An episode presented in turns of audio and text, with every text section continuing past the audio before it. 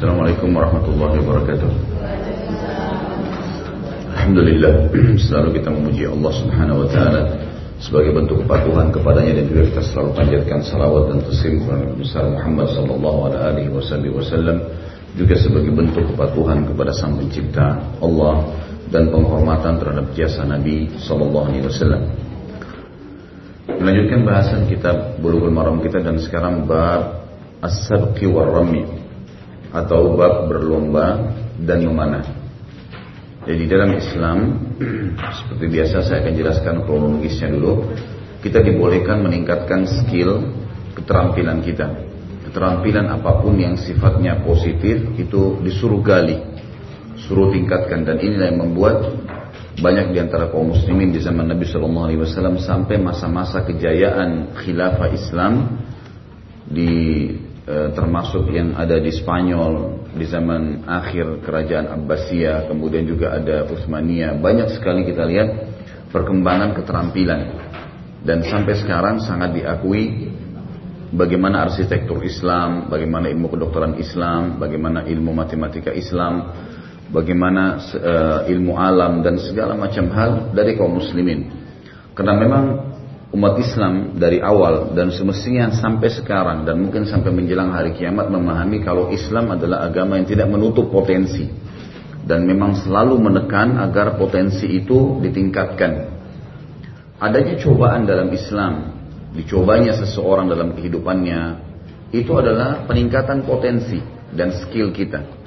Sebab kalau kita pernah sakit, kita akan punya skill pengetahuan di situ. Kalau ternyata sehat itu enak dan supaya tidak terjerumus pada penyakit yang sama akan begini, seperti itulah.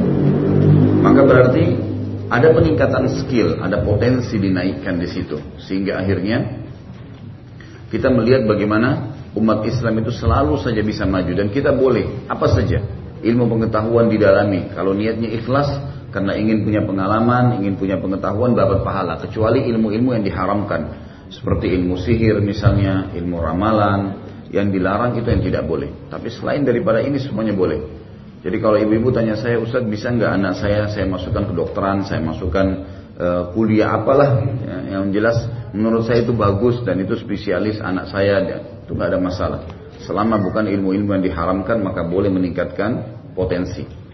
Dalam peningkatan potensi ini, kita pribadi dianjurkan untuk selalu melihat orang yang jauh lebih berhasil daripada kita dan tidak boleh kita melihat orang yang di bawah kita dalam peningkatan skill secara khusus. Karena kalau kita bergaul dengan pengangguran, kita akan jadi pengangguran. Kita bergaul dengan orang bodoh, kita jadi bodoh. Kita bergaul dengan orang-orang yang suka melakukan perbuatan-perbuatan yang e, terhina di dalam agama kita, maka kita juga akan seperti mereka. Sebaliknya kalau kita bergaul dengan orang soleh dan soleh ahli ibadah, apa sajalah yang orang-orang yang pintar, orang yang cerdas. Mungkin di hari-hari awal kita butuh adaptasi. Itu biasa. Kita butuh adaptasi. Kita akan beradaptasi dengan waktu ya. E, kita akan beradaptasi dengan tempat, kita akan beradaptasi dengan orang-orang. Kita kalau bergaul sama misal ibu nggak pernah belum pernah masuk di majelis taklim, kemudian ibu tiba-tiba bergaul dengan orang yang biasa di majelis taklim. Cara ngomongnya mereka sudah berbeda. Oh kitab ini sebutin nama kitab lah, sebutin nama inilah, sebutin nama itulah, segala macam hal, gitu kan. Maka ini e, mungkin kita di awal-awal butuh adaptasi, tapi dengan satu, dua kali, tiga kali, empat kali pertemuan kita akan terbiasa. Kita belum pernah ke dokter, mungkin sebelum sakit, kemudian satu waktu kita masuk ke dokter, berobat, konsultasi karena sakit, mungkin bahasa-bahasa dokter di awal belum jelas buat kita. Tapi sekali, dua kali, tiga kali bertemu interaksi dengan dokter, kita jadi tahu. Jadi oh ternyata ini maksudnya, oh ini maksudnya, oh ini bahasanya, oh ini yang dimaksud. Jadi memang butuh adaptasi saja, tapi jangan kurung potensi kita pada titik tertentu. Mengatakan saya nggak bisa, enggak, kita bisa. Semuanya bisa gitu. Saya yakin HP yang kita pakai ini punya banyak kelebihan. Tapi ada orang yang mau meningkatkan skillnya. Dia terus mempelajari, dia terus mencari tahu. Oh ini orang yang bagus, dia menggali potensi. Ada orang nggak vakum, udahlah saya cukup bisa pakai telepon, SMS selesai. Padahal sebenarnya mungkin manfaatnya banyak sekali. Jadi orang semestinya dalam Islam harus bisa meningkatkan skillnya. Disuruh begitu. Tidak ada hari tanpa menambah pengalaman karena tidak ada kata cukup dalam menuntut ilmu itu. Apa saja ya, apa saja kita boleh tingkatkan skill. Sisi yang lain, ibu-ibu saya yakin mungkin punya anak gitu kan. Jangan pernah kurung potensi potensi anak kita dengan potensi kita. Misal contoh, ibu maaf ini bahasa saya bukan saya nyinggung siapa pun, tapi kalau misal ada seseorang belum bisa mengaji, baca Al-Quran. Kemudian dia baca Al-Quran saja belum, atau mungkin menghatam Al-Quran pun itu bisa dihitung jari misalnya, apalagi kalau kita mau bicara masalah hafalan. Dia menarik potensi dia di situ yang kurang ke anak-anaknya. Maka dia jadikan anaknya sama dengan dia. Dan dia menganggap kalau anaknya ada hafalan Quran di sekolah satu juz, oh berat sekali ya. Satu juz karena dia menarik potensi anaknya ke potensi dia. Ini salah ini. Jadi mestinya jangan pernah mengurung. Saya pernah menjadi penasehat di salah satu sekolah dan sampai sekarang masih terdaftar sekolah Islam di daerah Depok. Itu uh, dia bilang Ustadz ini kurikulumnya. Salah satunya adalah anak-anak tamat SD ini kita target hafal 30 juz. Satu tahun hafal 5 juz. Jadi dalam satu tahun itu dibagi dua, termin 6 bulan pertama 2 juz setengah, termin 2, 6 bulan kedua 2 juz setengah. Berarti 5 juz satu tahun, satu SD jadi 5 kali 6 30 juz gitu kan. Dia tanya ke saya, Ustadz ini berat nggak kira-kira? Terus saya jelaskan apa yang saya jelaskan ke ibu-ibu sekarang. Jangan pernah tarik potensi kita yang mungkin mungkin masih bisa digali lebih tinggi lagi. Saya yakin ibu-ibu kalau mau menggencet dirinya, mau mengubah beberapa hal yang merupakan tradisi yang mungkin membuat vakum potensi itu, saya yakin banyak sekali hal yang bisa didapatkan gitu. Banyak sekali. Biasanya cobaan dan pengalaman yang memaksa kita untuk itu. Ya. Sehingga akhirnya kita mau belajar. Kita baru tahu oh, ternyata saya bisa, oh ternyata saya mampu, oh ternyata masih banyak yang belum saya tahu gitu kan. Saya bilang jangan tarik potensi anak-anak. Bahkan kalau saya bukan cuma 5 juz. Mungkin 5 juz adalah standar minimal. Sehingga tamat SD hafal 30 juz. Tapi berikan sebuah motivasi. Kalau ada anak-anak yang menghafal sampai 10 juz misalnya dalam satu tahun, maka berarti ini diberikan hadiah apa? Gitu. Prestasi tertentu, ya, diberikan predikat apa? Sehingga dia tidak harus tunggu kelas 6 SD tamat, karena sudah menjadi hal yang biasa di zaman dulu. Para ulama-ulama itu di umur 6 tahun, 7 tahun sudah hafal 30 juz. Baik, kita bantu orang tua mereka dengan cara coba tingkatkan skill itu. Dengan cara Kasih standar 5 juz satu tahun tapi coba 10, ta 10 eh, juz. Coba naikkan 15 juz. Mungkin ada orang yang mau. Dibuatkan ekstra kurikulernya misalnya di sore hari sebelum pulang gitu kan. Karena kan kita kebanyakan Al-Quran atau hal-hal yang berhubungan dengan agama ini dianggap sampingan. Bukan sesuatu yang harus diekstrakan sebenarnya. Padahal ini landasan semuanya. Kalau baik di sini maka baik semuanya. Tidak ada anak-anak yang hafal Quran itu kemudian tidak baik hafalannya, atau malah tertinggal di sekolah sama sekali. Saya melihat sendiri cuplikan di Saudi anak-anak yang diusahakan oleh ibunya untuk menghafal Al-Quran ya, atau ayahnya itu semuanya yang lain jadi mudah untuk hafalan. Semuanya yang lain jadi mudah untuk hafalan. Jadi bicara masalah potensi boleh. Gitu. Ya. Dalam bab potensi ini semua laki-laki dan perempuan dibuka peluang. Tidak ada masalah dalam Islam, gitu ya. Yang dilarang adalah menyerupai satu sama yang lain di hal-hal yang khusus buat mereka. Seperti tidak boleh menyerupai baju laki-laki bagi perempuan. Perempuan juga laki-laki juga tidak boleh menyerupai baju perempuan, gitu kan. Tidak boleh dibalik. Tidak boleh ini, misalnya menyerupai khasnya, pakaiannya, cara jalannya, potongan rambutnya, tapi potensi di luar menuntut ilmu, mengembangkan skill, tidak ada yang dilarang. Bahkan di zaman Nabi SAW ada di antara sahabiat yang mahir sekali menunggangi kuda, memanah, melempar tombak. Mereka meningkatkan skill-skill itu dan itu dibolehkan oleh Nabi Shallallahu Alaihi Wasallam. Di antara skill yang ada adalah olahraga, olahraga, kemudian dan di antara olahraga yang paling ditekankan di dalam agama ada beberapa poin. Yang pertama itu adalah menunggangi kuda. Ini sudah umum ya.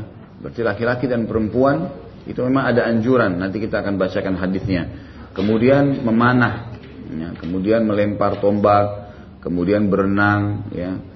E, e, ini semua adalah skill-skill dalam keterampilan untuk e, olahraga yang ditekankan sekali. Tapi ulama mengatakan semua yang berhubungan dengan olahraga yang membawa pada kesehatan badan itu adalah hal yang diperintahkan. hal yang diperintahkan. Selama tidak ada pelanggaran agama di situ, maka silahkan saja. Di antara hal yang disebutkan dalam bab kita ini adalah bab berlomba. Bolehnya orang untuk mengembangkan lagi tadi keterampilan dia ada, diadakan perlombaan-perlombaan. Tapi ada batasannya perlombaan ini. Perlombaan ini murni dilakukan untuk peningkatan skill. Bukan untuk menjatuhkan orang lain, bukan untuk menghina. Gitu kan. Jadi kalau seandainya diadakan perlombaan di sekolah, siapa yang juara akan dapat ini, boleh saja. Gitu. Tapi niatnya memang adalah meningkatkan, memotivasi mereka untuk bisa ada skill. Gitu. Seperti itulah. Nabi SAW mengingatkan nanti ada hadis yang kita baca. Kalau ada orang yang masuk dalam satu perlombaan dengan niat untuk meningkatkan skill dia, maka nggak ada masalah. Tapi kalau dia ikut berlomba untuk dikatakan dia pemenang atau dia menjatuhkan orang lain, maka ini masuk dalam judi. Ini masuk dalam judi yang dilarang. Saya akan bacakan hadis pertama berhubungan dengan masalah bab kita ini. Nomor 1340.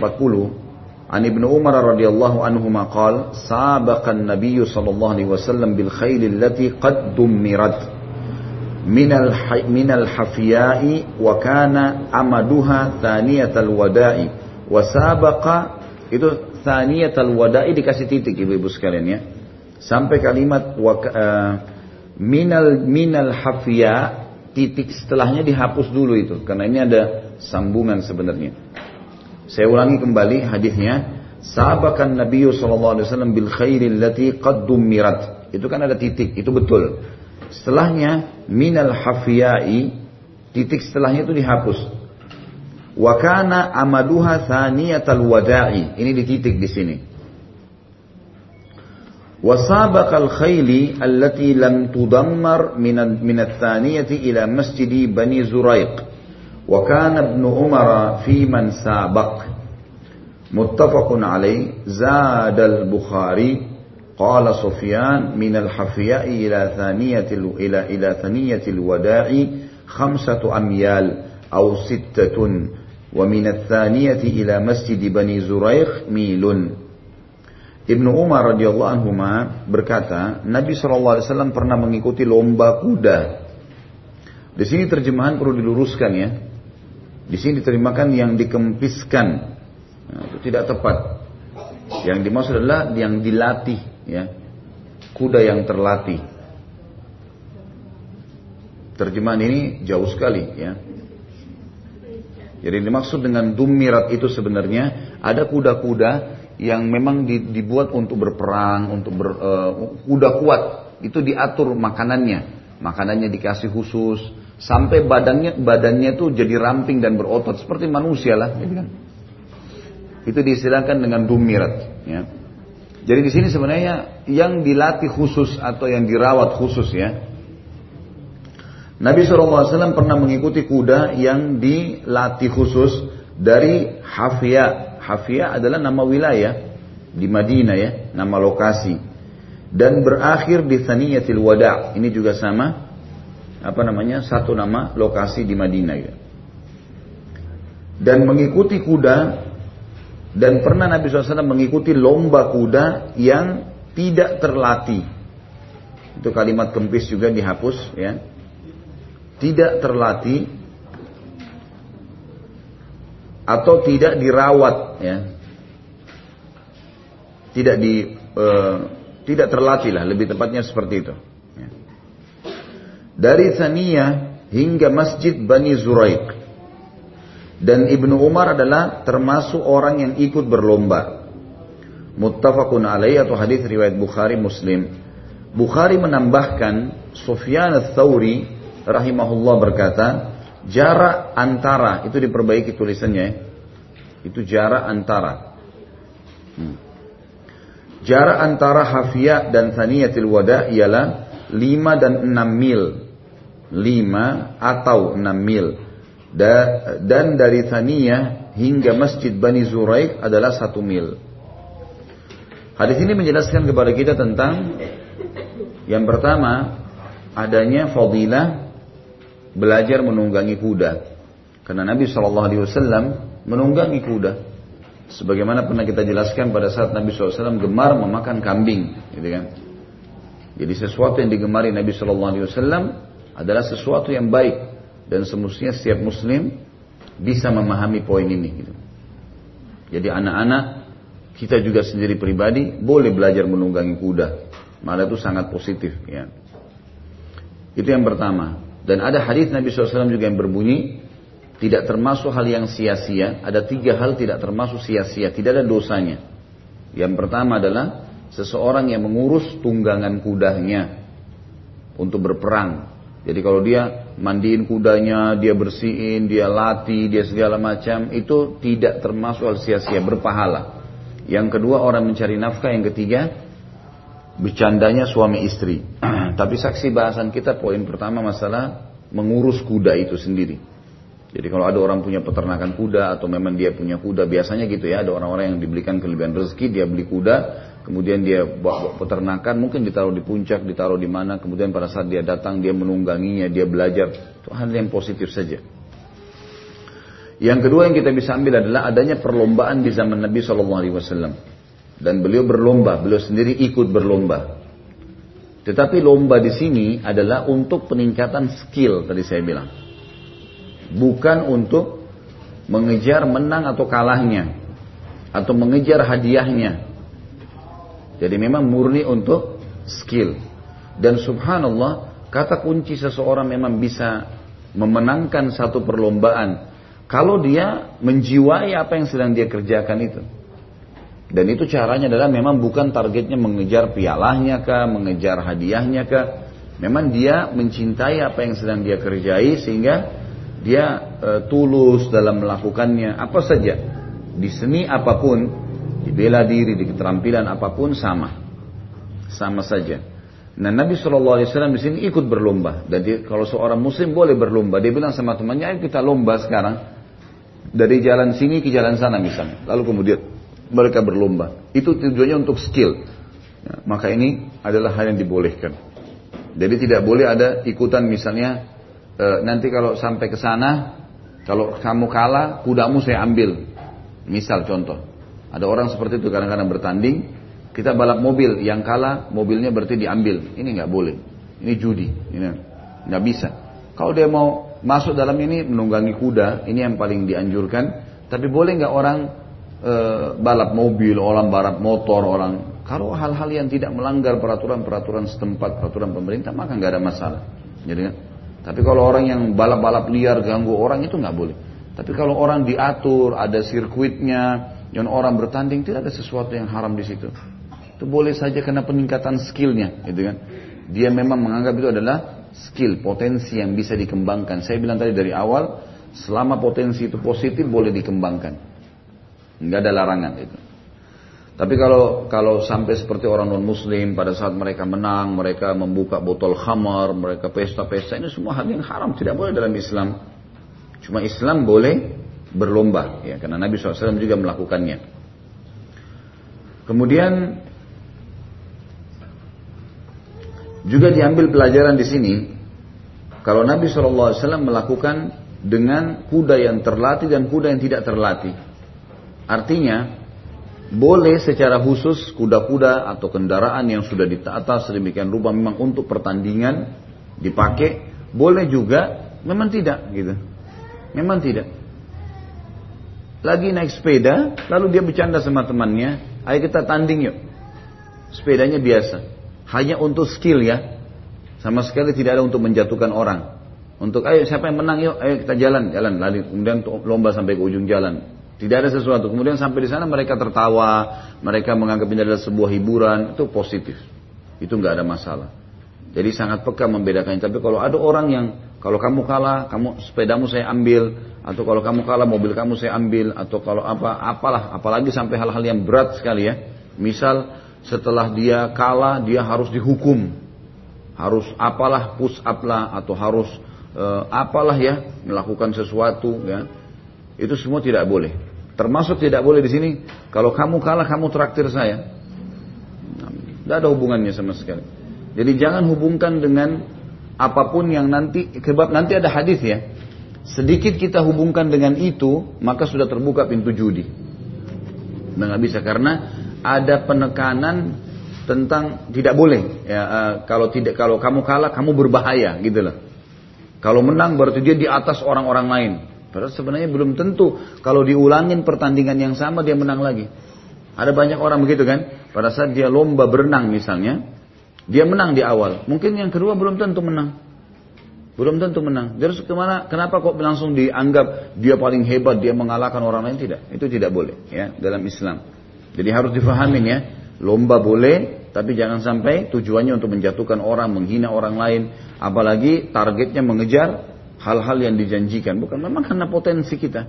Ya, seperti itulah. Kalau ada hadiahnya nanti, karena memang potensi masing-masing, tidak ada kezaliman di sini, maka itu adalah hal yang boleh-boleh saja. Seperti orang kalau juara di sekolah dikasih hadiah tadi saya kasih contoh itu adalah hal yang dibolehkan. Kemudian juga di sini dikatakan Sufyan ats-Tsauri dalam tambahan riwayat Imam Bukhari menyebutkan menyebutkan tentang jarak wilayah Hafaya dengan Saniyatil Wada. Tentu Hafaya ini uh, sekarang ada di wilayah Madinah, tapi saya agak sulit memberikan gambaran posisinya karena dia adalah nama wilayah dulu penduduk Madinah tinggal di situ. Sekitar 6 mil dari Saniyatil Wada. Kalau Saniyatil Wada bisa kita tahu. Kalau ibu-ibu lagi umroh atau lagi haji, kemudian lagi di Madinah, lagi ada waktu lowong, bisa minta kepada mutawifnya misalnya, e, kemudian rame-rame, coba mutar kota Madinah, saya mau lihat Saniyatul Wada. Saniyatul Wada ini nama gunung, ada kayak gunung, gunungnya itu berbentuk seperti e, punuk punuknya unta, ada dua lengkungan gitu ya. Saya pernah lewat waktu masih di, di Madinah waktu itu, lewat kemudian orang asli Madinah supir mobilnya bilang, kamu sudah tahu Saniyatul Wada? Saya bilang belum, saya cuma tahu, dengar, saya cuma dengar saja, saya pelajari. Dia tunjuk jari jauh itu gunung yang sana kamu lihat itu Thaniyatul Wada. Itu dari zaman Nabi SAW sampai sekarang masyarakat Madinah tahu itu adalah Thaniyatul Wada. Jadi ada lokasi 6 mil dari situ namanya Hafaya, Nabi SAW pernah tanding di situ. Pernah melakukan lomba sama para sahabatnya, eh, apa namanya, kuda ya. Kemudian dikatakan di sini jarak antara pernah juga Nabi Shallallahu Alaihi Wasallam melakukan lomba dari Thaniyatul Wada ke Masjid Bani Zuraik. Ini nama suku, suku Zuraik, salah satu suku di Madinah. Nabi SAW pernah tanding situ dan jaraknya satu mil. Kalau tadi yang pertama jaraknya 6 mil. Sebagian ulama hadis detail merincikan mengatakan kasus e, kalau kuda itu terlatih dan punya potensi, boleh kita menggunakan walaupun jarak jauh. Seperti tadi jarak antara Hafaya dengan e, Sanyatil Wada 6, 6 mil. Cukup jauh jaraknya karena kuda yang dipakai adalah kuda yang terlatih. Sementara dari Thaniyatul Wada ke Masjid Bani Zuraik tadi satu mil. Karena yang Nabi SAW pakai adalah kuda yang tidak terlatih. Gitu kan?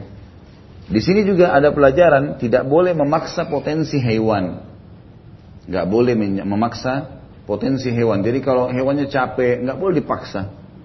Ada saatnya orang kalau naik kuda, orang biasa kalau sudah biasa menunggu kuda ini tahu, dia harus memberikan minum, memberikan makan, ada jarak tertentu, kudanya harus istirahat, gitu kan. Kemudian pada saat kuda itu dalam kondisi capek, memang khusus jenis kuda tidak boleh langsung diberikan air minum, ya.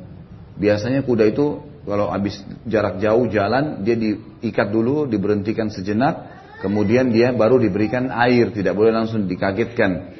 Kalau dikagetkan maka lebih e, mendatangkan hal-hal yang melemahkan kuda itu sendiri. Ada beberapa hal yang berhubungan dengan alam kuda ini yang memang semestinya seseorang mengetahuinya pada saat itu.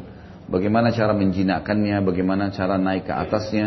Bahkan ada hadis Nabi SAW mengatakan ajarkan anak kalian menunggangi kuda dan suruhlah mereka loncat di atasnya sementara kuda itu berlari. Ada skill-skill yang disuruh oleh Nabi SAW untuk kuasai. Jadi kalau ada di antara ibu-ibu mau meningkatkan skill anaknya dan dia bisa keterampilan, ini keterampilan yang luar biasa. Dan keterampilan saya bilang tadi di awal pertemuan, menunggangi kuda, memanah, melempar lembing atau tombak dan juga berenang. Ya, ini sudah disebutkan di dalam banyak hadis. Baik hadis selanjutnya 1341 wa anhu radhiyallahu anhu anna Nabi sallallahu alaihi wasallam sabaqa bainal khail wa faddala al-qurha fil ghaya rawahu Ahmad wa Abu Dawud wa Sahih Ibn Hibban. Dari dia maksudnya sama perawinya dengan hadis sebelumnya Abdullah bin Umar radhiyallahu anhuma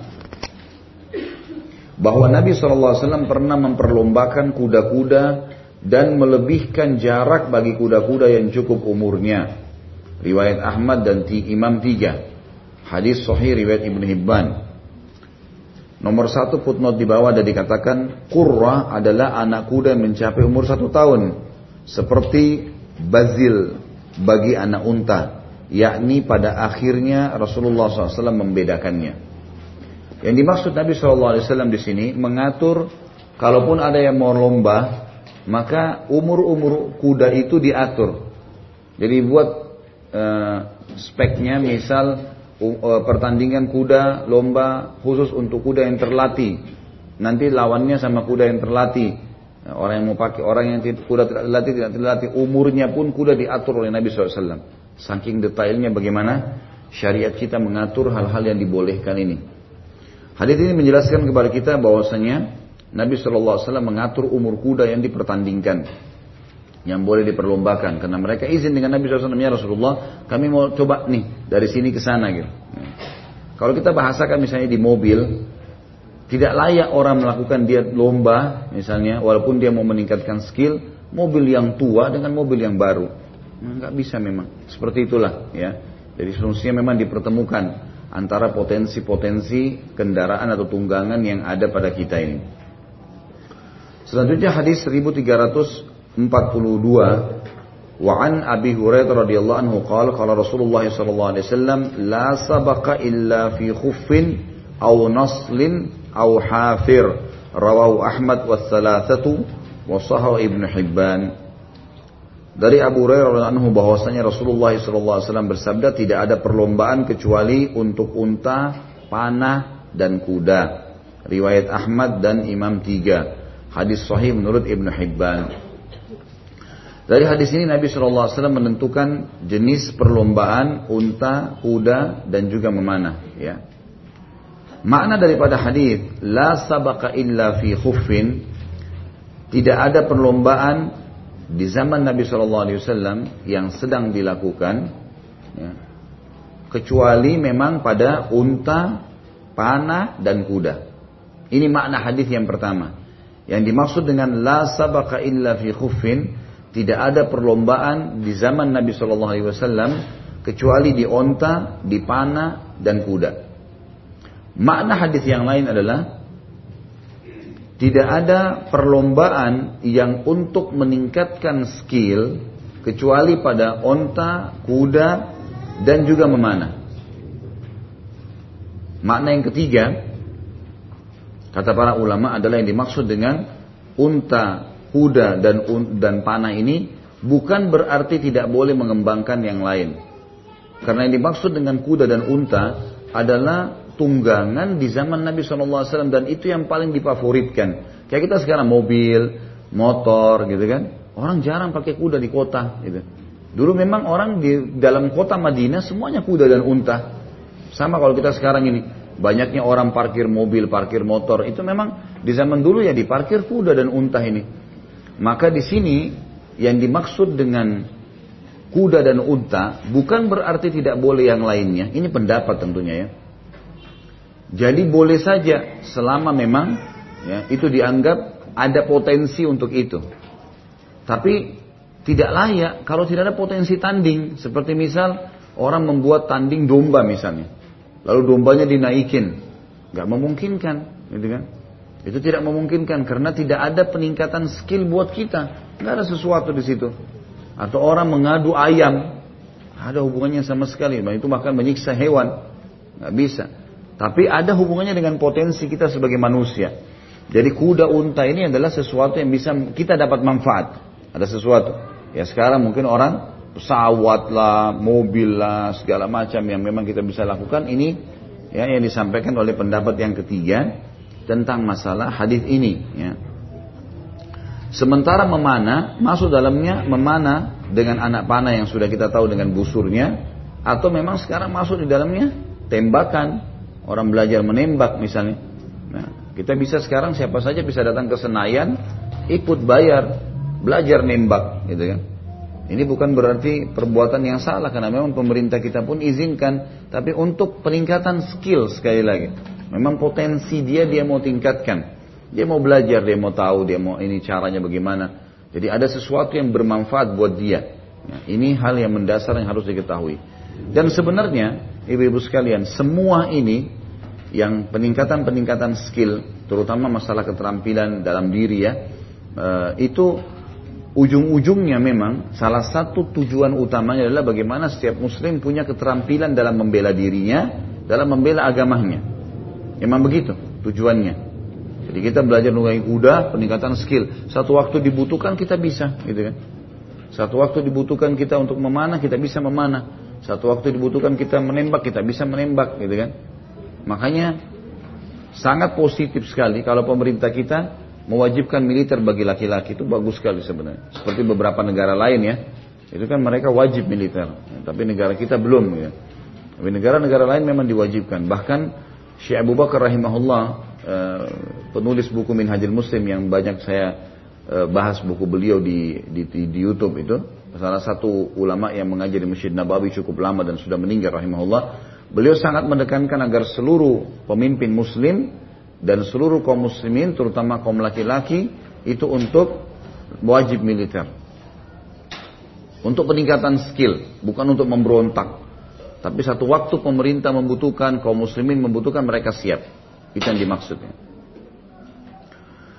Baik, jadi ini yang kita bisa ambil daripada hadis ini dan Allah alam pendapat ketiga ini yang memang kalau saya pribadi lebih cenderung kepadanya. Jadi ini bukan berarti haram kita e, bertanding selain unta, e, kuda dan juga memanah. Tapi yang dimaksud tadi sudah saya jelaskan pendapat-pendapat ulama yang memang merincikan tentang masalah makna hadis ini.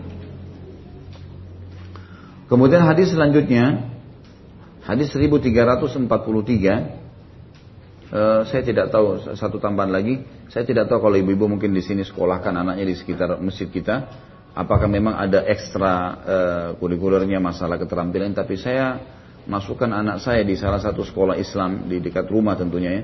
Itu memang ada uh, Sabtu itu mereka punya uh, keterampilan yang bisa dipilih. Bisa belajar bahasa Arab dan bahasa Inggris atau bisa memanah atau bisa menunggangi kuda. Jadi sekolah itu karena mengatasnamakan sekolah Islam maka dia lakukan itu jadi anak-anak itu memang sampai saya belikan anak saya busur panahnya, ada untuk anak-anak, diajarin caranya, mereka setiap Sabtu tuh dari pagi dan mereka asyik saja itu. Padahal anak saya perempuan dan memang ada pelatih perempuannya, ya teman-teman perempuannya semua ada laki-laki juga sendiri laki-laki.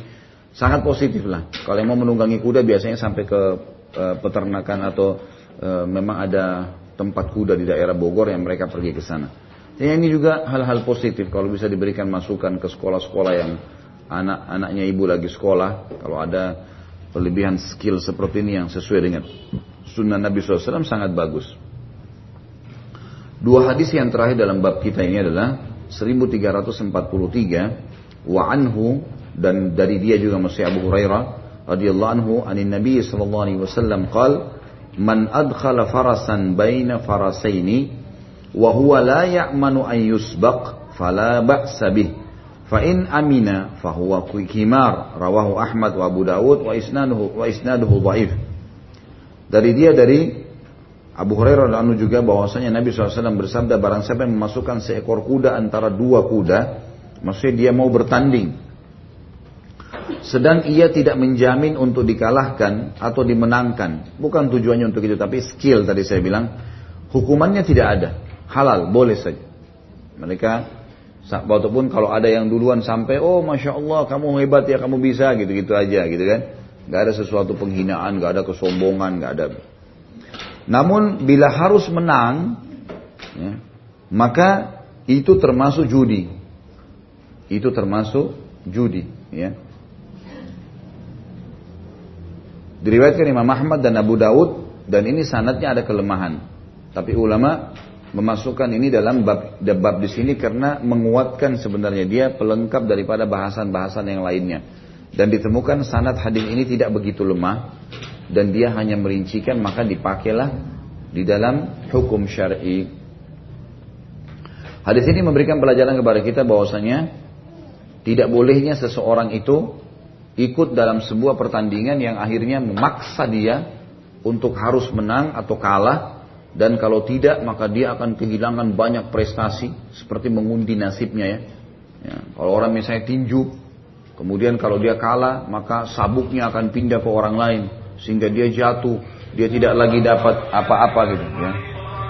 Jadi dia tidak mendapatkan apa pun yang dia inginkan maaf. Itu sebenarnya tidak dibolehkan karena uh, karir dia uh, apa yang sudah merupakan dia punya keterampilan jadi hilang semua gara-gara itu ini nggak dibolehkan dalam Islam.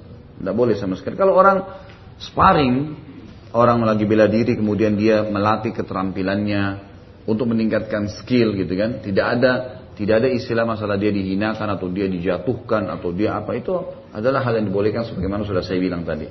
Karena kata Nabi SAW siapa yang diharuskan menang atau kalau dia kalah dia terhina maka itu adalah termasuk judi termasuk judi. Dan kita lihat makanya kan subhanallah orang tanding tinju itu pasti masuk judi di situ. Orang mengundi orang apa namanya akhirnya eh, siapa yang menang siapa yang kalah ya. Ini semua adalah hal-hal yang diharamkan dalam agama tidak dibolehkan sama sekali. Yang terakhir adalah hadis Nabi SAW 1344 dalam bab kita ini wa an Uqbah bin Amir radhiyallahu anhu qala sami'tu Rasulullah sallallahu alaihi wasallam wa huwa 'ala al-minbar yaqra. Wa a'iddu lahum mastata'tum min quwwatin wa min ribatil khail al-ayah ala innal quwwata ar-ramyu ala innal quwwata ar-ramyu la innal quwwata ar-ramyu rawahu muslim. Bin Amir radhiyallahu anhu berkata, aku mendengarkan Rasulullah sallallahu alaihi wasallam di atas mimbar membaca firman Allah dalam surah Al-Anfal ini ya. Dan persiapkanlah kekuatan dan pasukan berkuda untuk menghadapi mereka sekuat tenagamu. Ada ayat Al-Quran yang menyuruh kita untuk mempersiapkan diri menghadapi orang-orang yang akan mengganggu kaum muslimin. Ya. Kata Nabi SAW, ingatlah bahwa kekuatan itu sebenarnya ada di memanah. Ingatlah kekuatan itu adalah memanah. Diriwayatkan Imam Muslim. Artinya memang kalau mau mengetahui kemenangan, kalau memang keterampilan yang sebenarnya yang bisa didapatkan itu dengan e, melatih skill di memanah. Nabi SAW sangat membantu dan memotivasi sahabat untuk itu. Makanya kadang-kadang habis sholat subuh atau habis e, maaf habis sholat duha atau habis sholat asar, biasanya para sahabat berkumpul di halaman masjid di depan rumah Nabi SAW dan mereka bertanding di situ. Bertanding dalam berkata meningkatkan skill mereka. Kadang-kadang mereka bergulat, eh, kadang-kadang mereka memanah, gitu kan? Sampai Nabi SAW memotivasi mereka untuk belajar memanah itu, ya, belajar memanah dan memberikan gambaran kalau itu adalah bagian daripada syariat kita. Allahu a'lam. Baik, sampai sini ada yang mau bertanya masalah lomba ini? Ya, silakan. Ada mic-nya nggak?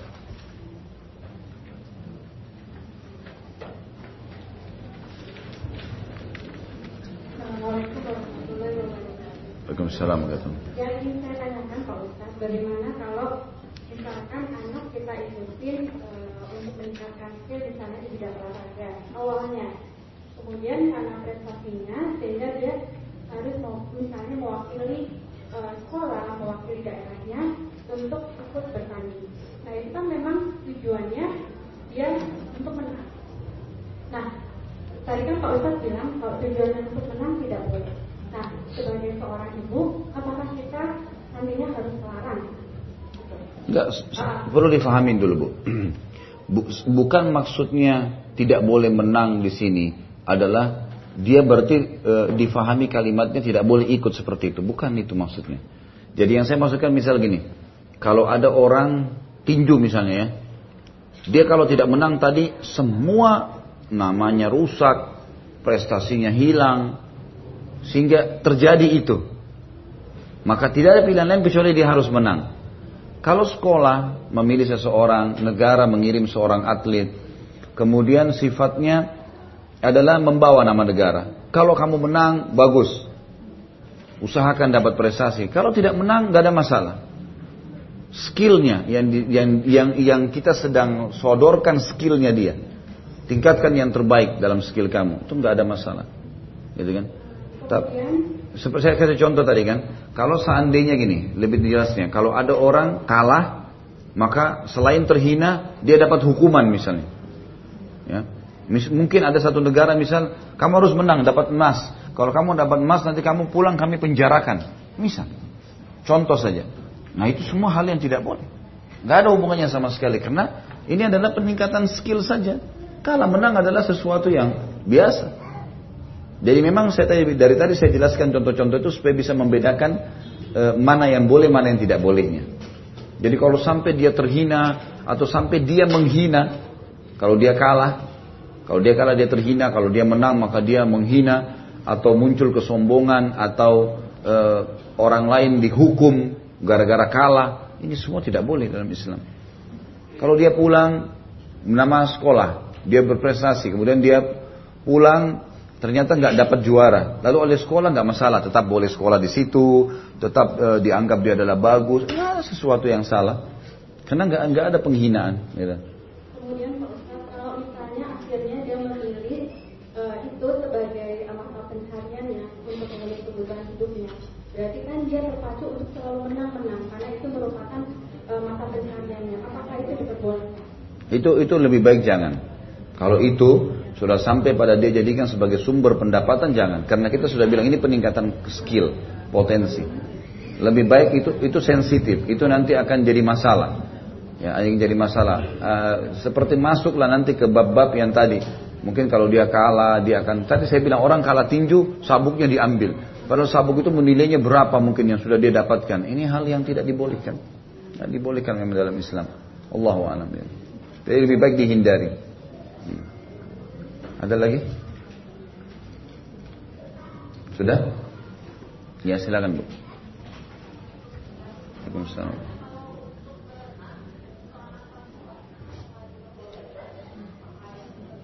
Selama ini tidak ada larangan jadi yang saya tahu tidak ada larangan, yang saya tahu. Tetapi ada hal-hal yang dia harus jaga. Tidak boleh berenang di sama-sama lawan jenis. Terus baju-baju renangnya jangan yang terbuka, gitu kan? Kalau dia dia dia berenang untuk meningkatkan skillnya dengan tertutup, uh, untuk meningkatkan, untuk mempelajari kalau renang itu adalah bagian dari agama. Terus semuanya perempuan, gitu kan? Pakaiannya tertutup, kemudian juga semuanya perempuan, maka hal yang tidak ada tidak ada salah situ. Tapi kalau di tempat umum kayak ada permandian pemain umum kayak kita sekarang gitu kan, sehingga apalagi pakai baju sudah seperti nggak pakai baju gitu, kan? Sudah pendek, sudah ketat, seperti nggak pakai baju sama sekali. Jadi hanya beda antara kulit warna baju sama kulit badannya saja. Tapi semuanya sudah fitnah itu, itu nggak boleh itu haram dalam agama, dibenarkan. Tapi kalau ada orang buat uh, kolam renang, uh, permandian untuk ibu, ibu perempuan saja, Kemudian di situ memang ada baju-baju renang yang syar'i yang memang tertutup gitu kan. Maka dan dia memang niatnya untuk skill, untuk olahraga, silahkan saja. Dan kalau misalnya, misal kita melihat potensi olahraga ini berbahaya buat saya. Misal berenang tadi bisa jadi fitnah. Atau mungkin ibu-ibu kalau menunggangi kuda bisa jadi bahaya gitu kan. Mungkin harus e, keluar kota, mungkin harus ini. Itu semua tinggalkan saja. Enggak harus kok. Ini kan sunnah. Ya. Sunnah bisa sunnah. Tapi dia boleh kembangkan ke yang lain. Boleh kembangkan yang lain. Tadi saya bilang, salah satu hal yang harus diperhatikan menjaga kesehatan dan berolahraga. Jadi kalau orang, misalnya ibu, jalan aja jogging pagi hari. Kemudian atau mungkin e, bergerak, olahraga, mencari keringat. Dan tidak ada pelanggaran agama di situ adalah hal yang dibolehkan. Itu juga insya Allah termasuk hal yang masuk dalam bahasan kita. Jadi dibolehkan olahraga itu selama tidak ada hal yang haram. nyambung ke yang jogging tadi. Uh, saya sendiri sebetulnya masih agak ragu karena saya suka jogging. Cuma kan memang kalau sehari-hari memang biasakan pakai pakaian itu adalah gamis. Uh, jogging sendiri, apakah diperbolehkan kita pakai celana panjang tapi tidak yang ketat, gitu ya, yang memang. Uh, Enggak. Istri saya bu bercadar pakai jubah jogging. Nah, dia sama teman-temannya di di lapangan gitu dia jalan di dekat rumah. Tapi dia memang pakai pakaian di dalam, pakaian olahraga, tapi ada jubahnya dia di luar. Terus dia jalan sama teman-temannya, keringatan kan tujuannya keringatan. Dan dia jalan saja. Gak ada sesuatu yang salah. Sampai dia bilang saya keringatan, kadang-kadang dia bisa membakar kalori sehari sekian gitu. Gak, gak ada sesuatu yang. Tapi kalau ibu yang masukkan adalah pakai celana, nanti pakai training, akhirnya nanti ditinggalkan pakaian syar'inya, maka janganlah. Gitu. Dan ini kan tidak harus di jalan ya, bisa di rumah. Tidak ada sesuatu yang salah. Karena Nabi SAW pernah berlomba lari dengan Aisyah. Iya kan? Ada riwayat menjelaskan masalah itu. Terima kasih. Hmm. Assalamualaikum warahmatullahi wabarakatuh. Assalamualaikum warahmatullahi wabarakatuh. Ada lagi? Ya silakan. Sebagai atlet. Tadi sudah saya sudah jawab tadi. Tadi kan sudah saya jelaskan di pertanyaan ibu yang pertama. Kalau seandainya dia menjadikan itu adalah sumber pendapatan dia, dia kalau kalah nanti akan dia terhina, ya, e, hilang prestasi-prestasinya, nggak boleh. Tapi kalau seandainya dia niatnya untuk skill, menang kalah ya sudahlah, gitu kan?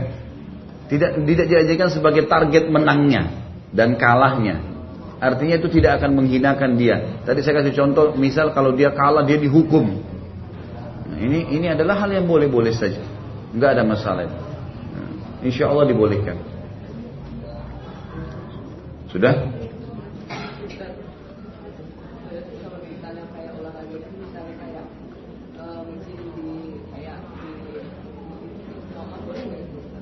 Ya itu boleh. Jadi gini, selama selama kita jauh dari syubhat hal-hal yang berbahaya, gitu kan, yang bisa mengganggu kita lah, ya seperti misalnya kalau kita masuk ke tempat fitness, kemudian di situ ada uh, trainernya laki-laki, kemudian laki-laki ini main pegang badannya, dan mana boleh ini nggak boleh dalam Islam. Mesti dihindari ya. Tapi kalau alhamdulillah sekarang Allah sudah mudahkan lah ya. Seperti misalnya kita butuh treadmill, kita bisa beli dan kita bisa pasang di rumah. Kemudian yang dibutuhkan, kemudian sedikit alat-alat yang kita butuhkan. Jadi kita sudah bisa alihkan, bukan berarti harus ke sana. Jadi dilihatlah kondisinya, situasinya gitu. Ya. Saya pernah uh, lihat ke beberapa tempat yang saya masuk sendiri, kemudian saya lihat, saya cari waktu, jeda waktu di mana kosong tempat itu, kemudian saya masuk berolahraga. Ternyata uh, pada saat saya mau keluar pun masih ada sesuatu yang terjadi karena masih ada akhirnya orang-orang yang masuk ke tempat itu yang menurut saya hanya mengganggu lah. Terus saya berhenti, gitu kan. Contohnya saja. Maka saya larikan ke tempat-tempat yang lebih umum yang e, mungkin lapangan umum disiapkan oleh pemerintah, terus kemudian kita jalan dan lari di sana. Banyak hal yang bisa kita lakukan lah yang intinya lepas daripada itu, lepas daripada hal yang haram.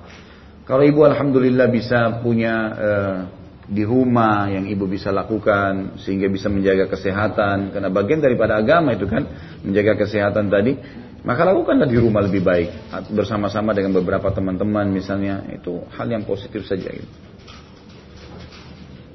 Kalau saya sih sekarang saya sudah alihkan jadi kita beli saja alat itu treadmill di rumah pakai gitu. Saya pakai istri saya pakai selesai gitu. Enggak, enggak ada sesuatu yang uh, akhirnya memaksa kita melakukan kemaksiatan di luar karena berbahaya memang ya. Nah, sangat peka sekali.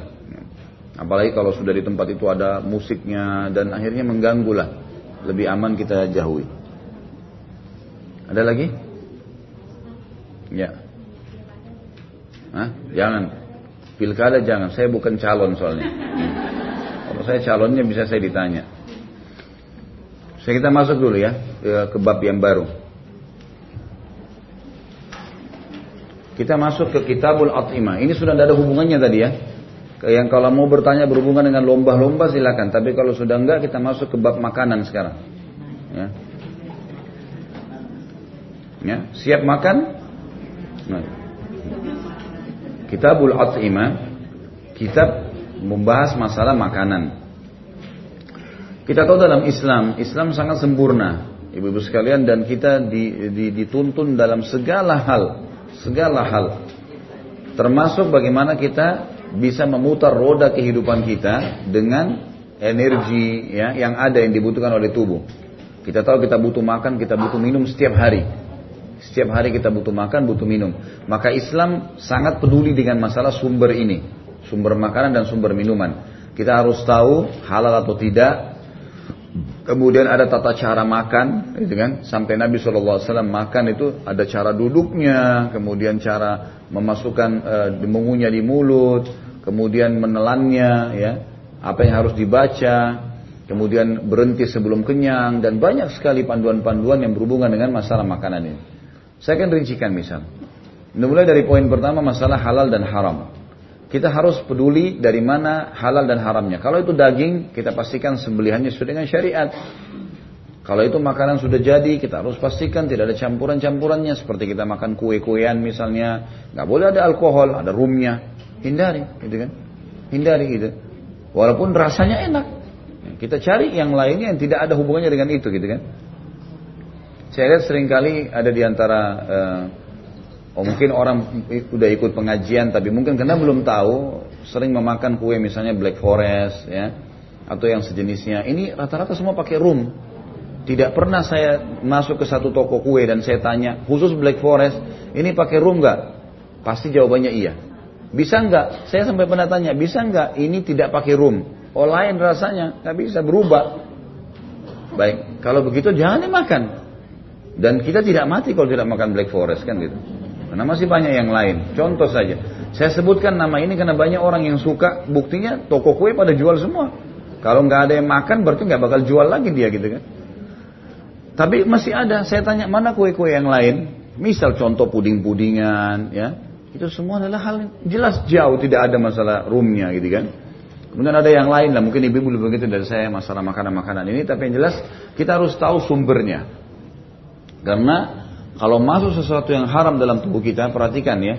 Ada sebuah hadis Nabi SAW yang berbunyi, syaitan akan berkata pada teman-temannya pada saat akan menggoda seseorang. Jadi seseorang dari kita kalau mau digoda sama syaitan, syaitan akan berkata pada teman-temannya, perhatikan dulu makanannya orang ini sebelum kita goda. Halalkah atau haram? Kalau haram, kata syaitan nih, Nabi SAW bongkar buat kita. Kalau haram, nggak usah kalian goda. Nggak perlu digoda. Karena semua ibadahnya ditahan oleh Allah selama ada makanan haram. Dan syaitan tidak usah capek-capek menggoda gitu. Maka ini berarti ada pengaruhnya. Masalah diijabahnya doa, masalah hilangnya keberkahan gitu kan. Nah, ini harus hati-hati. Dan pendapatan yang haram ini itu bukan hanya sekedar menjadikan penyebab makanan haram dan minuman haram yang masuk. Kalau dia menggunakan sumber pendapatan haramnya pada uh, hal kebaikan. Jadi misal uang korupsi atau uang penipuan, kemudian dia hajikan dan umrohkan orang tuanya. Misal, menghajikan, ya haji ibadah. Orang tua dihajikan ibadah juga. Dua ibadah di sini. Bakti sama orang tua dengan hajinya. Tapi uangnya uang haram. Kata Nabi SAW, siapa pun yang melakukan infak di jalan Allah dari sumber yang haram, Lalu dia didoakan untuk itu. Misal kita hajikan orang tua kita. Terima kasih nak, ya Allah bukakan rezeki anakku dan seterusnya lah. Atau kita memberikan bantuan kepada seseorang fakir miskin. Kita berikan uang satu juta, dua juta, tapi uang itu dari uang haram. Kita tahu ini sumber haram. Kita berikan kepada mereka. Kata Nabi SAW, kecuali akan menambah siksaannya di neraka. Padahal kita niat baik ya. Kita umrohkan hajikan orang tua kita, kita berikan kepada fakir miskin. Baik, tapi dari sumber haram. Dan kita didoakan, kata Nabi SAW, dan mereka mendoakannya. Ia didoakan, kecuali akan menambah siksanya di neraka. Jadi jangan jangan mengkhayal ini kalau kita melakukan dari sumber haram terus dapat pahala. Enggak, enggak. Ada pahalanya. Sampai yang pernah kita bahas, pernah yang saya sampaikan di yayasan kami ada alokasi bunga bank. Kan yang saya bilang, alokasi bunga bank riba. Itu pun kalau ibu-ibu alokasikan, saya sering bahasakan kalau ada yang kasih, ini uang bunga bank Ustaz. Baik, Bu, ini fasilitas umum ya. Ini kita akan kasih kepada hal-hal yang ulama membolehkannya. Tapi ini nggak ada pahalanya. Jangan ibu pikir ini saya keluarin satu miliar pun bunga bank lalu saya menganggap ada pahala. Nggak ada pahalanya itu. Karena dasarnya itu haram.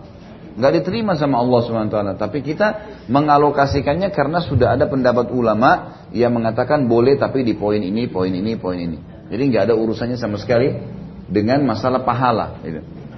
Kemudian juga kata sebagian ulama, siapa yang siapa yang memberikan makan dirinya dari sumber yang haram atau bersedekah dari sumber yang haram, sama saja dia mencuci baju dengan air kencing. Jadi nggak bakal bisa bersih.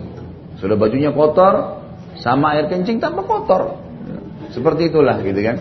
Jadi harus hati-hati. Makanya poin pertama dalam bahasan kita adalah tahu sumber makanan itu dari mana. Jenisnya makanan itu, sumber uang yang kita pakai beli dan seterusnya ya. Ini harus hati-hati karena poinnya sangat penting. Yang kedua, semua yang berhubungan dengan makanan haram atau syubhat wajib ditinggalkan. Wajib, tidak ada pilihan. Tidak ada pilihan. Semua sumber makanan atau semua jenis makanan yang haram atau syubhat wajib ditinggal. Wajib loh ya, ibu berdosa kalau ibu lakukan. Misal kita masuk satu restoran, kita nggak tahu nih halal atau enggak ya. Kadang-kadang orang bilang sudahlah, saya nggak usah nanya. Enggak, nanya. Ini mau masuk ke perut kita nih. Maaf ya, saya mau tanya halal nggak? Nah, kalau ada sertifikasi MUI malah lebih bagus. Kalau nggak ada, pastikan halal nggak nih. Kalau dia jamin, iya halal. Anda muslim, ya muslim. Baiklah. Dia yang bertanggung jawab depan Allah SWT. Tapi jangan tidak tanya. Karena harus ini. Kalau kita ragu, ah kayaknya sih saya juga saya cuma pegawai bu, saya nggak tahu. Tinggalin aja, cari rumah makan lain. Jangan makan di situ. Karena ini wajib ditinggalkan, tidak bisa tidak. Ada makanan sampai ke rumah kita, dan kita tahu orang ini bekerja di sebuah tempat riba haram misalnya atau kan kita tahu ini sih. Terus kita nggak tahu dia punya pendapatan lain atau enggak ya. Kalau dia punya pendapatan lain, Misal dia pernah pinjam uang dari bank, riba, tapi dia punya modal usaha lain halal, misal. Berarti dari sumber halal bisa saja kita dapatkan gitu kalau dia berikan kue segala. Tapi kita ragu, dia punya sumber nggak ya selain riba itu? Misal, berarti syubhat, wajib tinggalkan. Nggak usah dimakan. Bagi yang tahu atau dia ragu, maka ini hukumnya haram bagi dia, dia harus tinggalkan. Tapi dia bisa menjadi halal sesuatu itu kalau orang itu tidak tahu, memang betul-betul tidak tahu. Misal, bagaimana hukumnya sekarang kalau ada makanan diantar ke saya dan makanan ini saya sendiri ragu, lalu kemudian saya berikan kepada fakir miskin di jalanan, maka jadi halal buat dia karena dia tidak tahu itu. Kitanya syubhat dan orang ini membutuhkannya. Kalau dibuang, makanya jadi masalah. Tapi kalau kita tahu jelas-jelas ini haram, misalnya tadi ada rumnya, makanan itu dasarnya haram, Nggak boleh kita kasih orang, buang di sampah. Nggak bisa ini, gitu kan? Jangan main-main dengan soal seperti ini. Karena kalau kita kasih sesuatu yang sudah jelas keharaman jenisnya, maka itu akan ber, akan akan kita sendiri dapat dosa di situ. Tapi kalau tadi saya bilang ini dasarnya misalnya nasi dikirim oleh tetangga, halal sebenarnya makanan, jenis makanannya halal. Tapi saya tidak tahu sumbernya tetangga ini halal atau tidak. Kalau kita tidak tahu sama sekali jadi halal buat kita ya. Kalau kita tahu dia punya sumber haram, tapi bercampur baur dengan sumber yang halal, maka ini juga sebagian ulama mengatakan masih dibolehkan karena bisa saja dari sumber yang halalnya. Gitu ya. Tapi kalau jelas-jelas satu sumber yang haram saja ini semua nggak boleh, sama sekali nggak boleh. Lebih baik kita jauhi itu. Allah alam ini yang saya tahu. Dan saya simpulkan kembali ya, jadi kalau misalnya sumber haram, jenisnya haram, nggak boleh dibagi ke orang lain. Jenisnya haram, Walaupun sumbernya halal, nggak boleh dibagi. Sumbernya haram, ya, jenisnya halal, tetap juga tidak boleh dibagi. Ya. Kecuali kalau dasarnya memang tidak tahu, kita tidak tahu, ya, atau bisa kita ragu, bimbang, ya. Kemudian kita kasih ke orang lain dalam kondisi kita bimbang, itu nggak ada masalah. Tapi kalau kita yakin ini tidak benar sumbernya, yakin ini jenisnya tidak boleh, nggak boleh sama sekali. Ya, ini perlu digarisbawahi dalam masalah jenis makanan dan minuman. Yang ketiga, cara bagaimana mengelola makanan itu dan bagaimana mengkonsumsinya secara syar'i.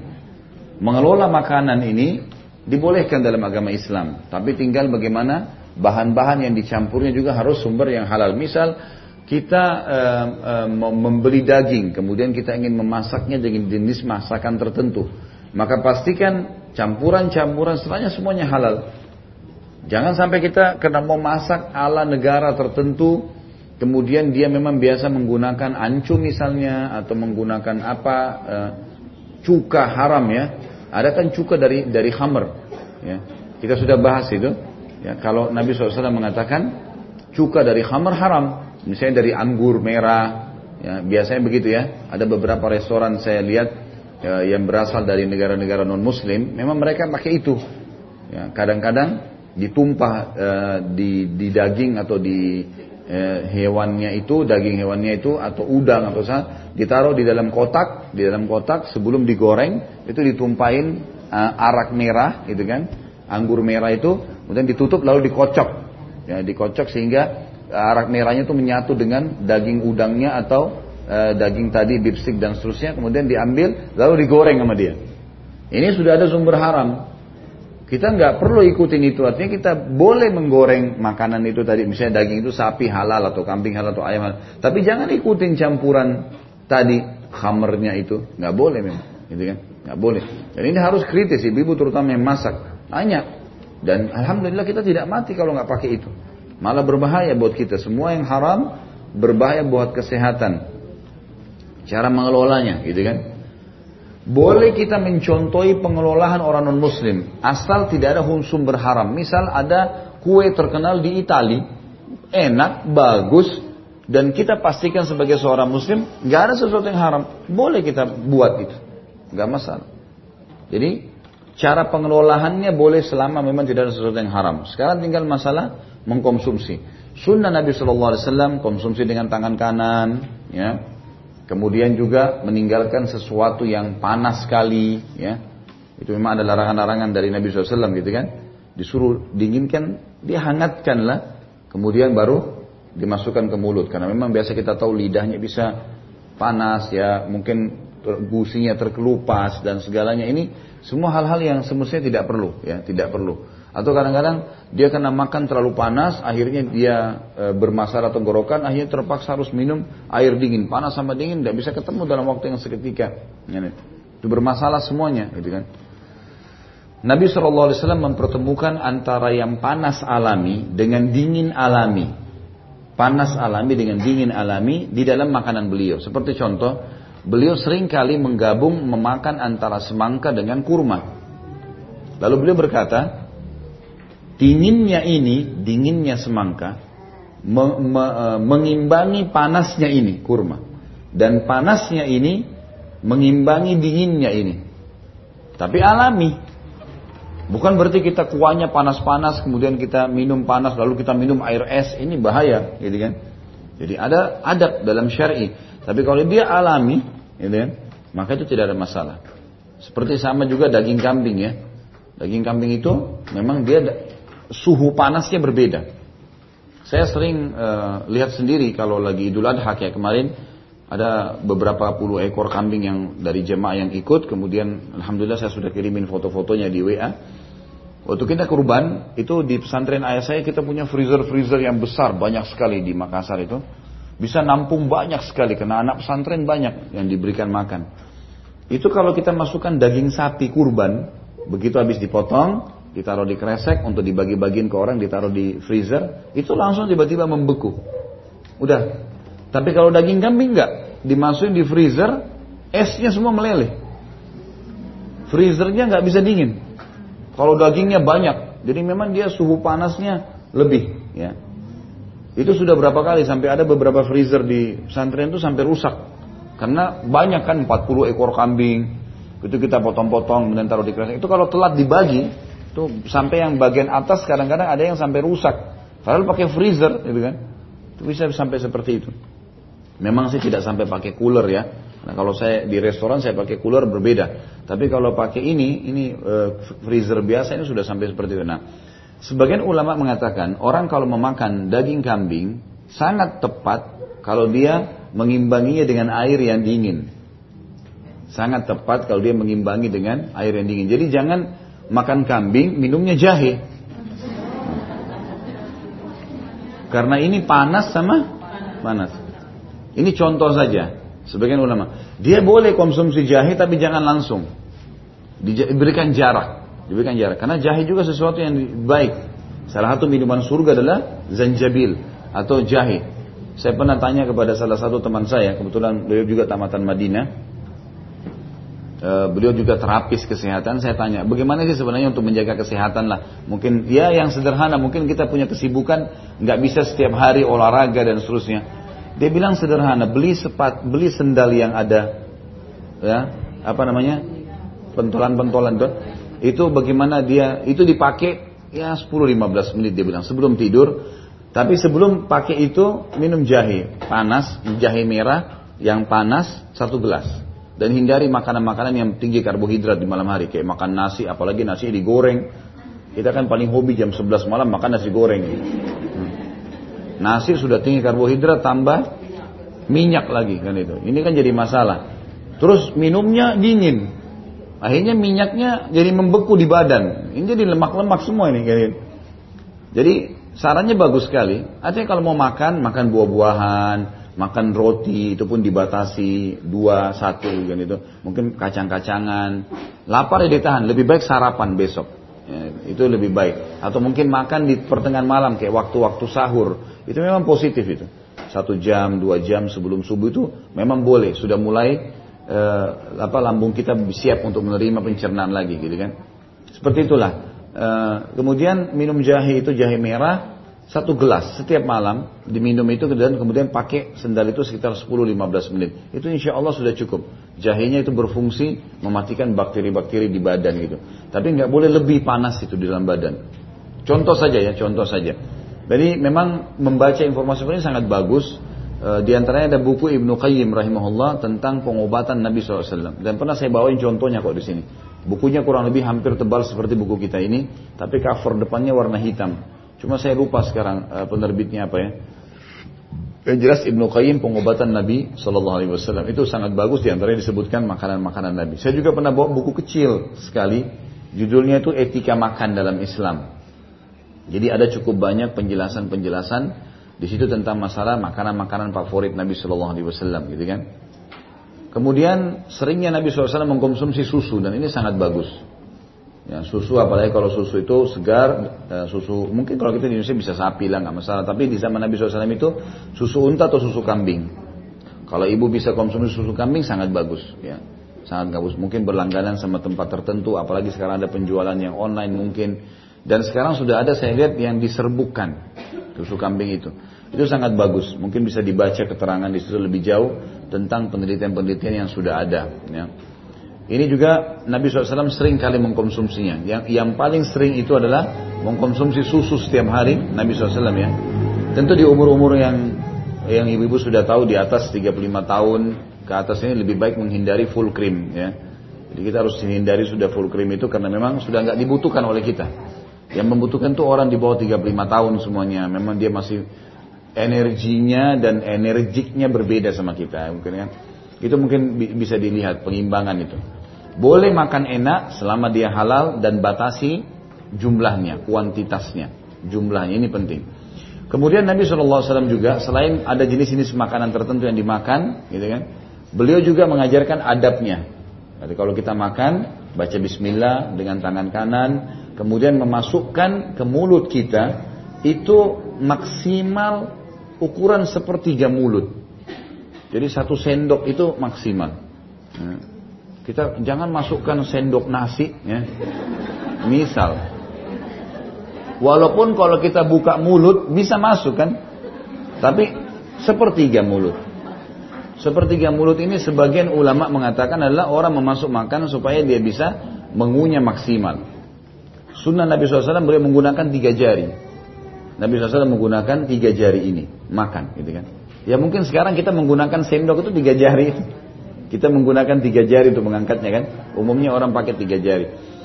Jadi ini tujuannya sebenarnya bukan masalah tiga jarinya, tapi jangan terlalu banyak. Dan memang makanan disunahkan untuk dikunyah sampai hancur, kemudian baru ditelan.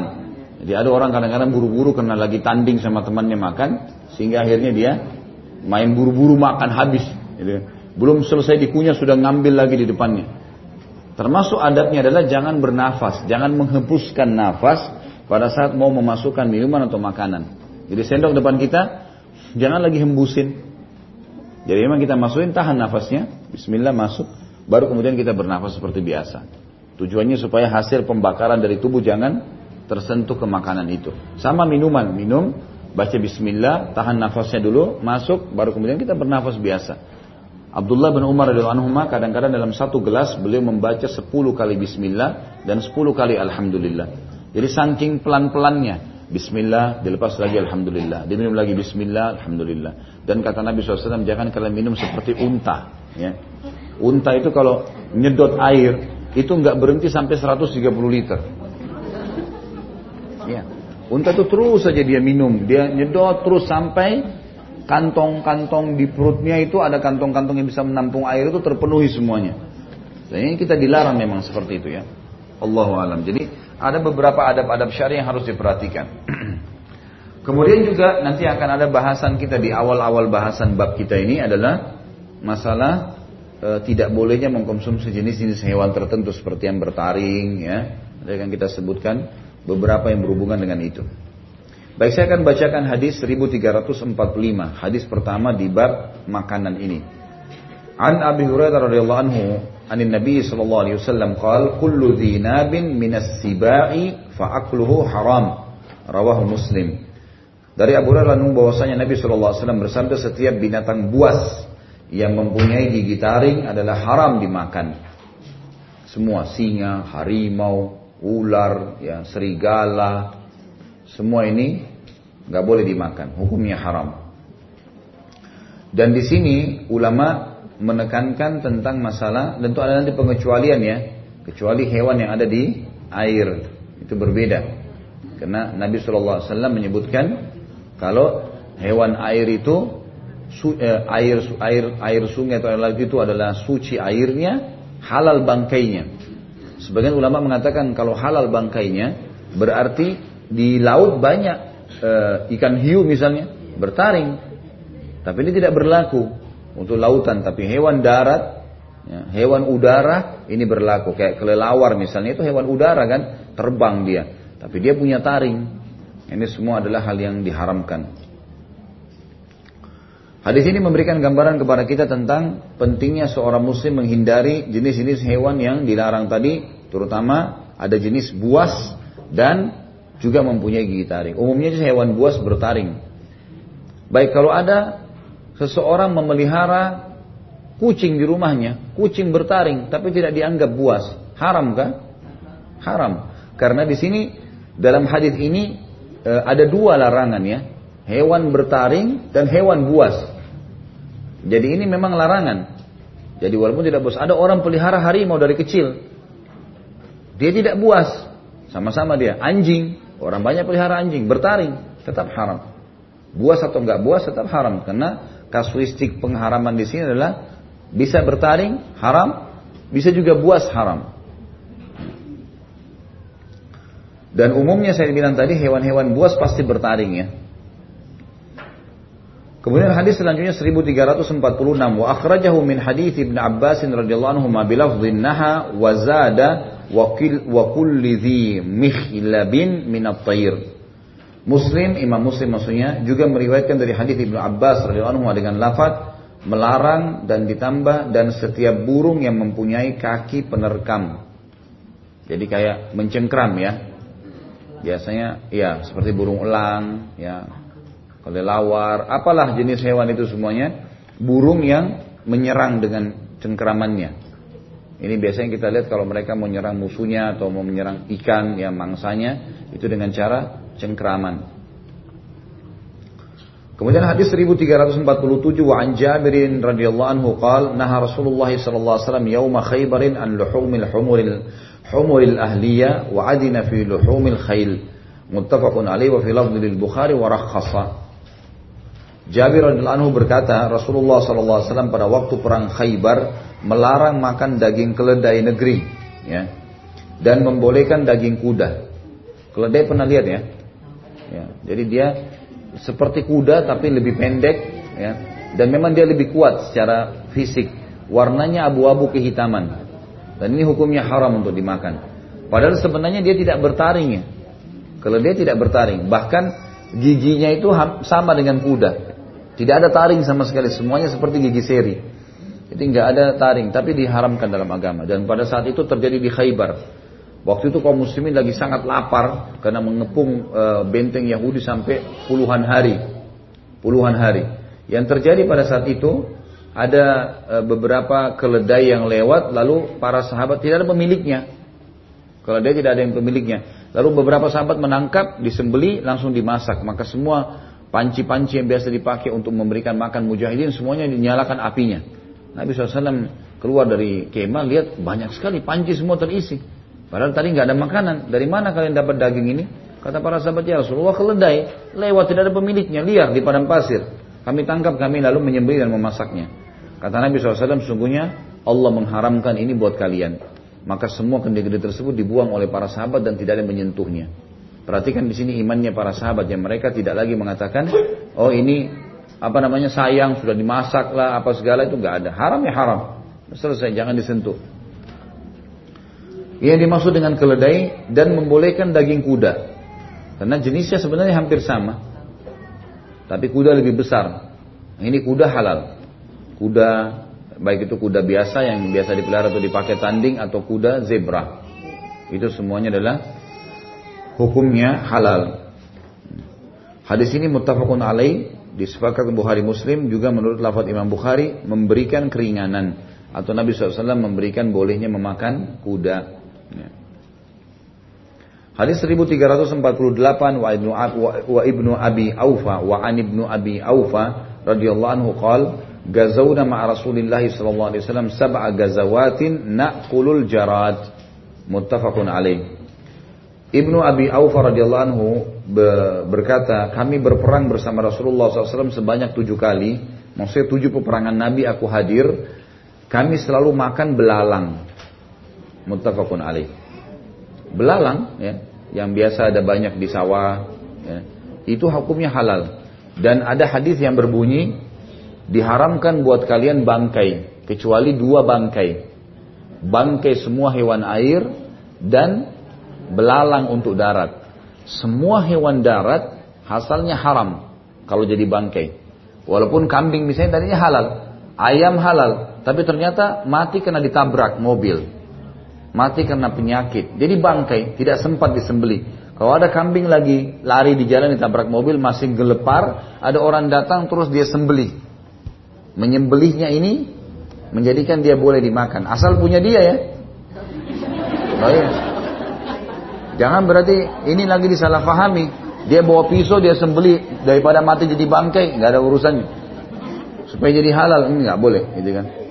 Tapi di sini kalau punya dia, dia punya kambing lepas ditabrak mobil sebelum mati supaya jadi halal disembeli sama dia sempat.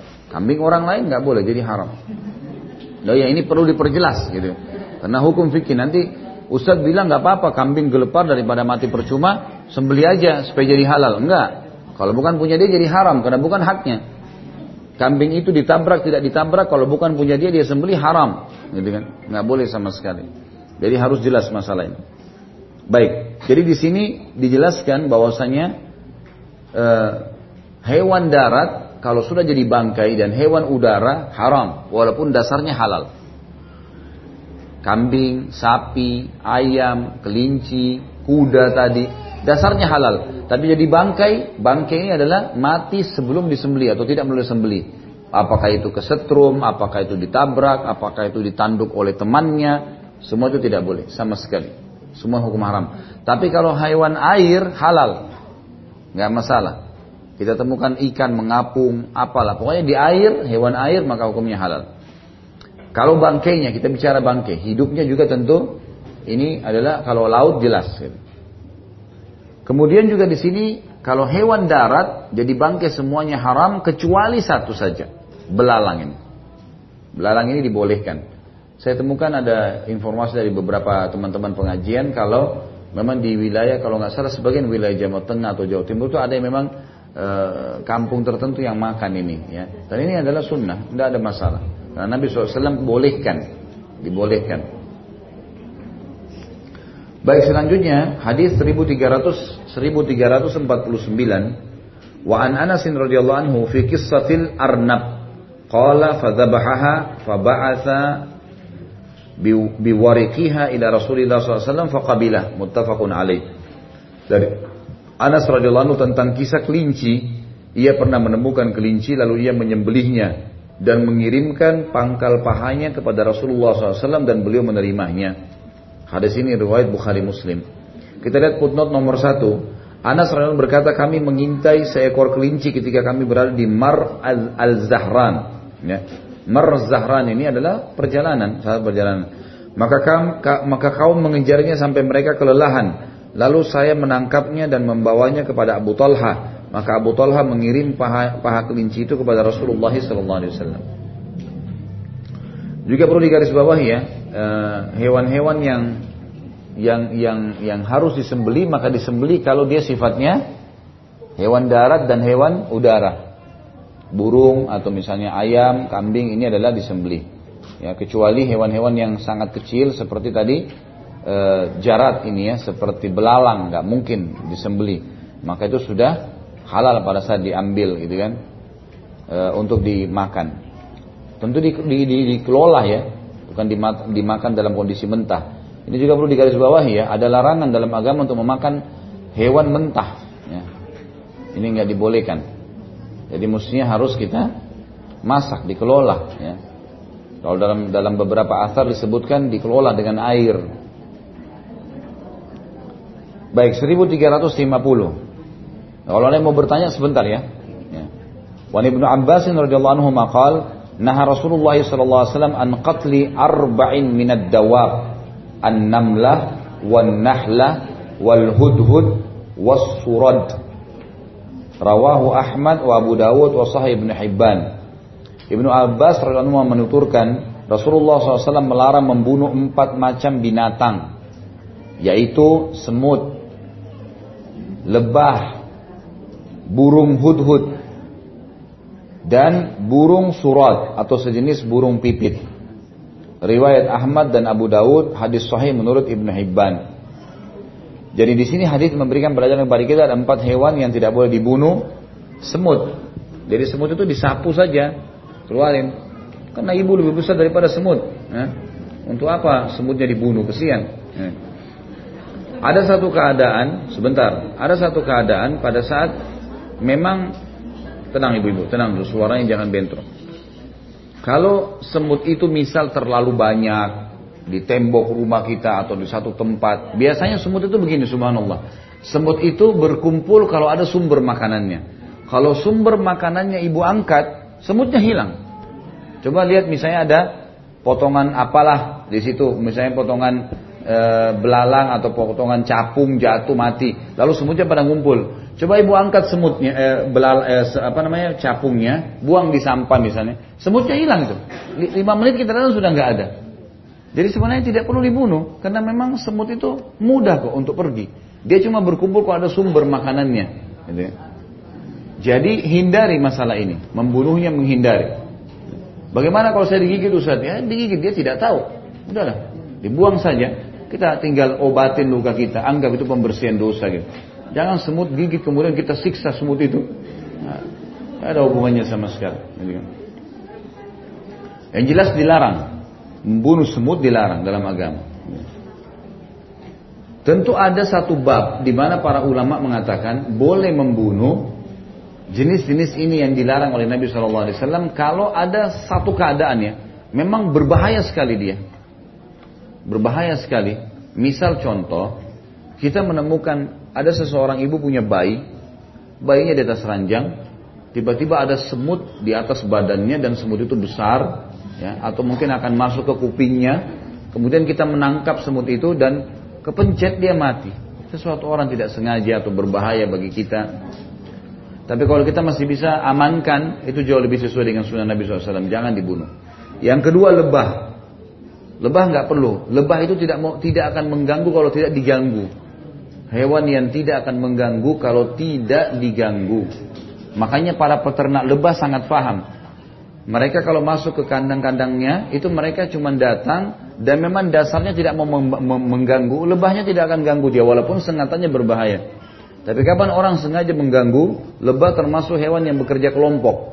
Pada saat dia diganggu, maka dia akan datang dengan teman-temannya mengejar. Dan lebah itu hanya mengejar orang yang mereka rasa mengganggu. Misal gini, ada tiga orang lagi jalan, satu orang yang melempar. Itu sudah diadakan penelitian oleh beberapa ilmuwan. Kalau orang yang lempar sarang lebah, lebahnya tahu siapa yang menyerang, dia akan mengejar orang itu saja. Yang lain nggak dikenal. Jadi bukan berarti lebah itu serang sembarangan tidak. Makanya dia dilarang bunuh oleh Nabi SAW. Karena dia tidak akan mengganggu selama dia tidak diganggu. Dan dia ada manfaatnya besar. Dia memberikan madu buat manusia. Allah turunkan khusus surah An-Nahl. Surah masalah lebah. Juga namal ya. Semut juga punya surah. Surah semut ada dalam Al-Quran. Burung hudhud. Ada dua jenis burung yang dilarang. Hudhud dengan surat. Atau ini e, sebenarnya kalau hudhud ini kalau ibu mau lebih jelas ini susah saya jelaskannya. E, gambarnya itu bisa diketik di Google burung hudhud. Nanti keluar gambarnya. Burung ini sebenarnya di bagian kepalanya itu seperti mirip ayam tapi dia bulu-bulu yang indah gitu ya. E, berjarak dan transparan. Itu dan itu ada warna-warni. Ini burung yang disebutkan uh, yang telah mendatangkan informasi kepada Nabi Sulaiman alaihissalam tentang keberadaan Balkis. Ya. Dan burung hudud ini secara khusus dilarang oleh Nabi Wasallam, tidak boleh sama sekali. Sementara burung burung uh, surat adalah semua burung jenis burung kecil, semua jenis burung kecil yang memang indah warnanya, semua jenis burung kecil lah kita tahu ada burung-burung kecil, burung apa saja yang kecil itu semua tidak boleh sama sekali. Nggak ada nggak ada hubungannya. Dia terjemahkan begitu ya. Di sini dikatakan burung pipit karena burung pipit itu semua jenis burung yang mungil. Biasanya dikatakan dengan burung ini kan. Ini semua tidak boleh sama sekali. Yang tidak boleh sama sekali dibunuh. Dan ini biasanya juga memang manusia akhirnya memeliharanya gitu.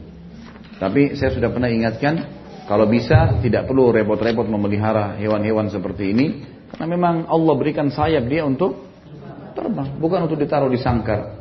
Ya, apalagi ada orang sengaja mengurungnya, um, walaupun dia berikan makan, gitu kan. Sampai ada istilah burung walaupun di sangkar emas itu tersiksa dibandingkan dengan burung yang terlepas walaupun dia ada di atas dalam gua. Jadi memang mestinya kita tidak boleh uh, melakukan itu. Oh ada yang suka ya suka lah. Alhamdulillah sekarang ada cuplikan-cuplikan bisa ditonton. Semua jenis burung ada. Ada yang suka suaranya. Suaranya banyak. Di HP kita banyak suara burung. Ya. Jadi apalagi ada yang pertandingkan. Ini semua adalah yang semestinya dihindari. Karena ada jenis hewan yang dibolehkan dalam Islam. Tapi ada yang tidak dibolehkan untuk, dija, untuk dipelihara. Baik 1351 saya akan selesaikan hadis ini karena tinggal sedikit saja nanti kita akan masuk ke bab buruan dan sembelihan ya.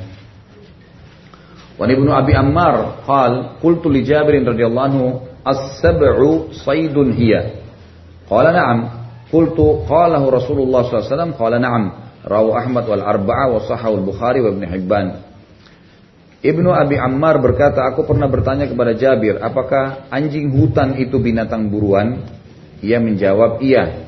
Aku bertanya lagi, apakah Rasulullah SAW bersabda demikian? Ia mengatakan iya riwayat Ahmad dan Ibnu dan Imam Empat. Hadis ini sahih menurut Bukhari dan Ibnu Hibban. Kita lihat footnote nomor satu. Abu Dawud meriwayatkan hadis ini dari Jabir secara marfu. As-sab'u saydun fa idza asabahu muhrim fa fihi kabshun musinna wa yu'kal. Biawak adalah bia, bi, uh, bi, adalah binatang buruan. Ini terjemahannya uh, ad-dhaba ya bahasa Arabnya di sini. Sehingga seseorang e, apabila sedang ihram menangkapnya maka ia wajib membayar denda dengan seekor domba yang telah berumur satu tahun atau musinna dan biawak itu boleh dimakan olehnya. Asy-Syafi'i berkata, manusia senantiasa memakan dan memperjualbelikan antara Safa dan Marwa tanpa ada yang membencinya. Ibnu Abi Ammar adalah Abdurrahman al-Makki yang dinilai thiqah atau terpercaya oleh Abu Zurra Abu Zur'ah maaf dan tidak ada yang memperbincangkannya seorang pun. Ia dinamai dengan Al-Qas karena ibadahnya. Baik, saya akan bincangkan hadis ini. Hadis ini disebutkan ada Ad-Daba'u. Ad-Daba'u, ya. Jadi terjemahan di 1351 tentang anjing hutan salah. Ya, dihapus itu.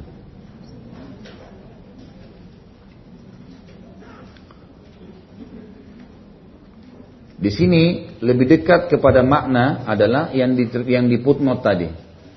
Biawak itu ya.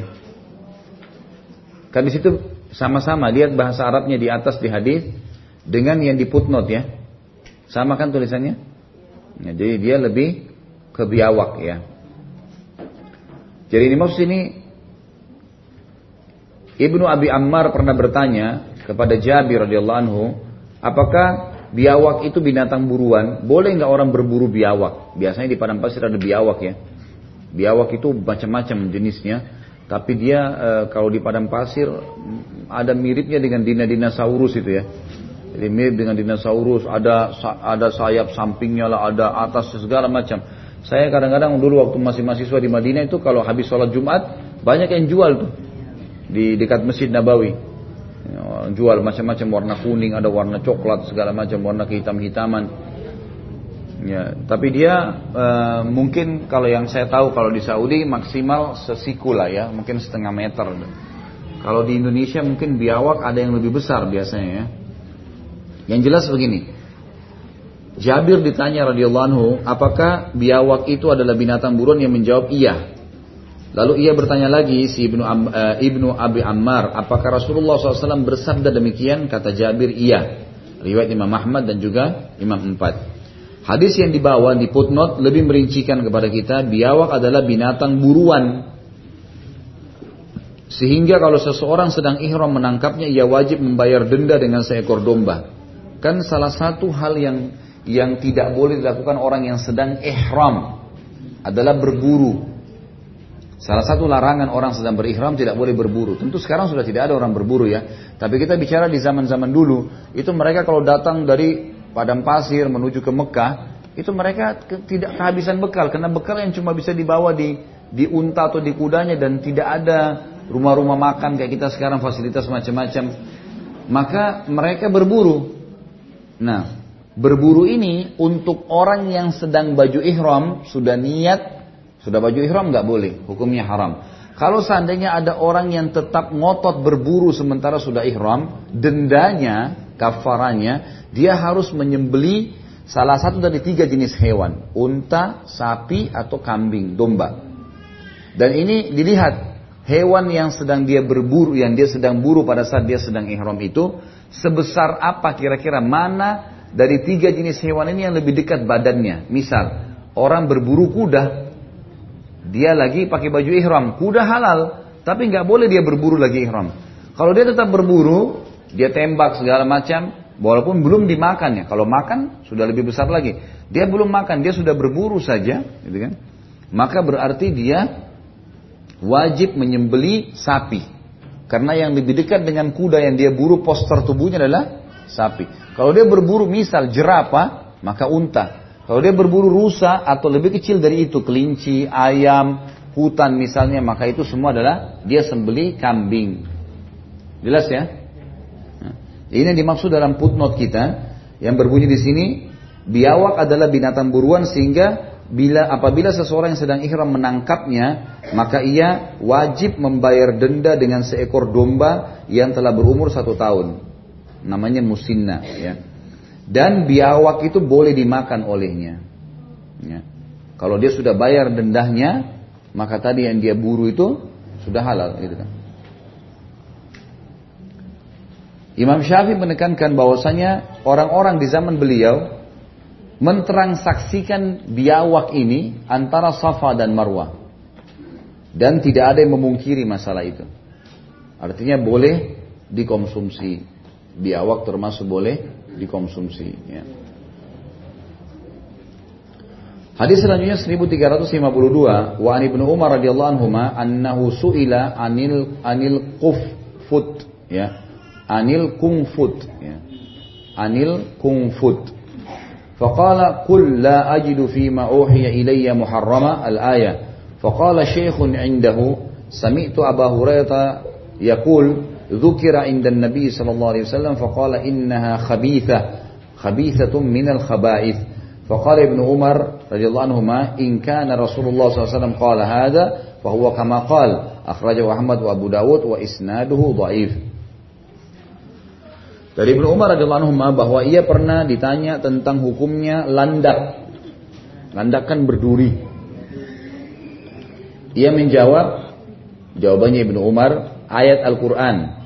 Katakanlah aku tidak mendapatkan perkara yang diharamkan dalam apa yang diwahyukan kepadaku. Lanjutan ayatnya ada. Maksudnya Ibnu Umar pertama, ya, menganggap landak itu halal karena landak itu tidak bertaring tapi dia berduri badannya. Ibnu Umar bilang, ayat ini tidak mengharamkannya. Lalu berkata seseorang yang sudah berumur di sisi Ibnu Umar, aku pernah mendengar Abu Hurairah berkata, ada orang yang menanyakan landak kepada Rasulullah SAW dan beliau bersabda, ia adalah termasuk binatang yang kotor. Sebenarnya habis ini bukan kotor terjemahannya, berbahaya.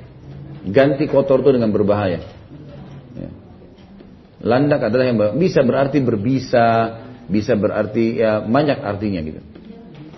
Intinya dia berbahaya. Terjemahan kotor lebih baik diganti.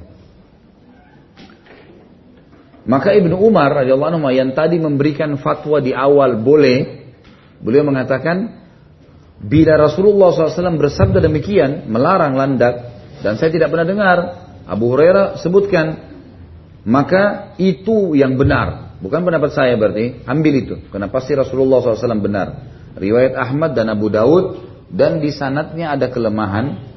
Disebutkan poin nomor satu Al Baihaqi berkata hadis ini tidak diriwayatkan kecuali melalui sanat yang lemah, gitu kan. Tetapi ulama tidak menemukan tidak menemukan hadis khusus masalah landak kecuali ini. Tidak menemukan hadis khusus masalah landak kecuali ini. Maka sebagian ulama mengatakan sebaiknya seorang muslim menghindari landak itu. Selanjutnya adalah hadis Nabi SAW nomor 1353 Wan ibnu Um Wan ibnu Umar radhiyallahu anhu qal nah Rasulullah SAW anil jalalati wa albaniha akhrajahu al-arba'a illa an-Nasa'i wa hasanahu Tirmidzi Ibnu Umar radhiyallahu berkata Rasulullah SAW melarang memakan binatang yang makan kotoran, maaf ya. Dan melarang meminum susunya. Riwayat Imam 4 kecuali Nasai. Hadis Hasan menurut Tirmidzi. Jadi kalau misal ada ini contoh saja.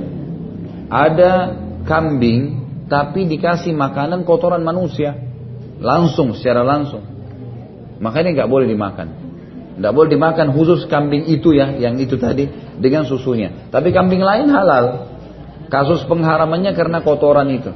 Dan babi tidak bertaring diharamkan karena makanannya kotoran kebanyakan. Dia memang makannya kotoran, gitu kan? Ini masuk dalam semua jenis hewan yang dasarnya memang e, bertaring atau tidak bertaring. Selama dia makanannya kotoran, maksudnya di sini jelas-jelas tinja ya, secara langsung Iya. Pokoknya secara langsung kalau dia makanannya itu mau dia di darat, mau dia di laut, nggak boleh. Laut tadinya halal ya. Tapi kalau sudah makanannya kotoran ini adalah pengharaman umum umum. Alhamdulillah kalau kalau kalau ada orang yang pelihara lele, yang pelihara lele, lele itu dipelihara dikasih makanan e, mungkin jenis-jenis yang lain kayak udang kecil atau apa, itu nggak ada masalah.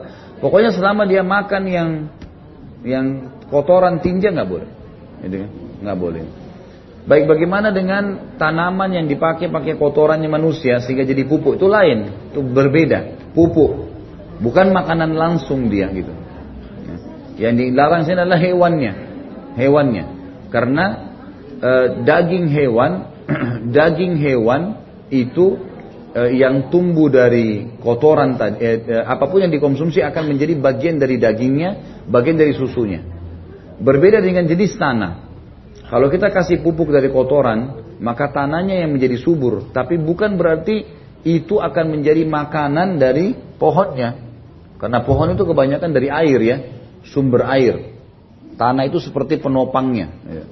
Tapi air yang memberikan kehidupan lebih banyak kepada pohon. Beda kalau hewan, beda dengan manusia karena dikonsumsi jadi darah dagingnya lah istilahnya ya. Kemudian 1354 wan Abi Qatadah radhiyallahu anhu fi qissatil himaril wahshi fa'akala minhu Nabi SAW muttafaqun alaih. Dari Abu Qatadah radhiyallahu anhu tentang kisah keledai hutan ya. Nabi SAW memakan sebagian darinya. Hadis muttafaqun alaih itu jelas dibahas uh, apa disebutkan oleh Bukhari Muslim. Apa yang dimaksud dengan keledai hutan? Ada yang tahu? Iya. Iya, apa keledai apa dia? Ini istilah dalam agama ya. Himar wahshi, kuda zebra. Zebra itu kalau dalam agama disebut keledai. Kenapa disebut keledai? Kalau kita lihat mukanya zebra sama mukanya keledai sama. Dia tidak sama dengan kuda umumnya. Beda. Kuda itu lebih lonjong. Kalau keledai itu mulutnya lebih bulat biasanya dan giginya itu semuanya besar. Zebra itu begitu. Zebra sama dengan dengan keledai. Maka dia masuk dalam keledai, cuman dinamakan dengan keledai liar, keledai hutan. Karena rata-rata zebra itu hidupnya di hutan, maka ini halal. Yang tidak boleh keledai yang abu-abu kehitam-hitaman, gitu kan. Yang sudah saya jelaskan tadi, biasanya dipakai tenaganya oleh manusia untuk narik gerobak dan seterusnya. Itu eh, apa namanya biasanya di negara-negara Timur Tengah ditahu ya. Berarti kalau keledai hutan, maksudnya sini adalah kuda zebra halal dan Nabi SAW pernah mengkonsumsinya. Kemudian hadis yang 1355 Wan Asma binti Abi Bakar radhiyallahu anhu qalat naharna ala ahdi Rasulillah SAW farasan fa'akalnahu muttafaqun alaih dari Asma binti Abi Bakar radhiyallahu anhuma beliau berkata kami pernah menyembeli seekor kuda di, pada masa Rasulullah SAW lalu kami memakannya Hadis riwayat Bukhari Muslim ini tentang masalah halalnya kuda. Jadi jelas tadi sudah hadis sebelumnya juga menjelaskan itu. Kemudian hadis 1356. Wa Ibnu Abbas radhiyallahu anhu maqal ukilat babbu ala ma'idati Rasulillah SAW muttafaqun alaih. Ibnu Abbas menyebutkan radhiyallahu anhu bahwa biawak pernah dimakan oleh para sahabat dalam hidangan Rasulullah sallallahu alaihi wasallam. Maksudnya pernah dimakan biawak itu di hadapan Nabi SAW. Tapi perlu digaris bawah ya, Nabi nggak memakannya. Riwayat yang lain menyebutkan yang membawa biawak itu adalah Khalid bin Walid radhiyallahu anhu sahabat Nabi yang mulia. Beliau ke badan pasir, beliau membeli di pasar Madinah yang didapat dari badan pasir. Kemudian beliau membakarnya, eh, menyembelihnya lalu membakarnya, kemudian menghidangkan di hadapan Nabi Shallallahu Alaihi Wasallam. Kata dia ya Rasulullah silakan. Kata Nabi ini kami nggak kenal di Mekah. Kami nggak pernah makan biawak begini. Lalu beliau tidak menyentuhnya, tapi beliau juga tidak melarang Khalid bin Walid memakannya. Maka keluar dari sini namanya hukum takrir. Persetujuan Nabi SAW terhadap perilaku sahabat. Berarti dibolehkan.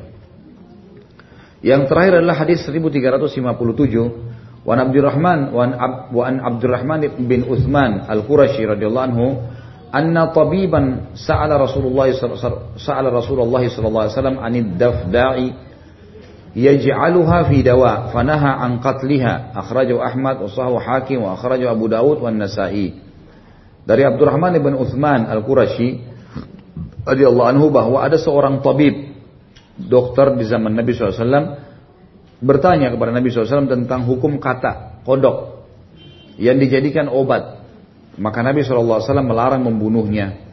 Gak boleh sama sekali. Berarti kata hukumnya haram secara mutlak. Kata nggak bertaring. Tapi memang secara jenis dilarang oleh Nabi SAW. Semua jenisnya. Dari yang kecil sampai yang besar. Gitu kan? Termasuk tidak boleh sekarang ada orang yang menjadikan sebagai obat. Diambil dari saripati pahanya katak atau kodok itu untuk uh, beberapa atlet ya. Untuk loncat jauh, untuk apa. Itu dijadikan sebagai sumber vitamin ini juga tidak boleh. Pokoknya semua yang berhubungan dengan kodok atau katak ini tidak dibolehkan. Dan hadis ini sahih riwayat Imam Ahmad dan juga Hakim Abu Daud dan Nasai juga meriwayatkannya. Allahu alam. Jadi ini adalah uh, hadis tentang masalah beberapa jenis hewan yang dilarang.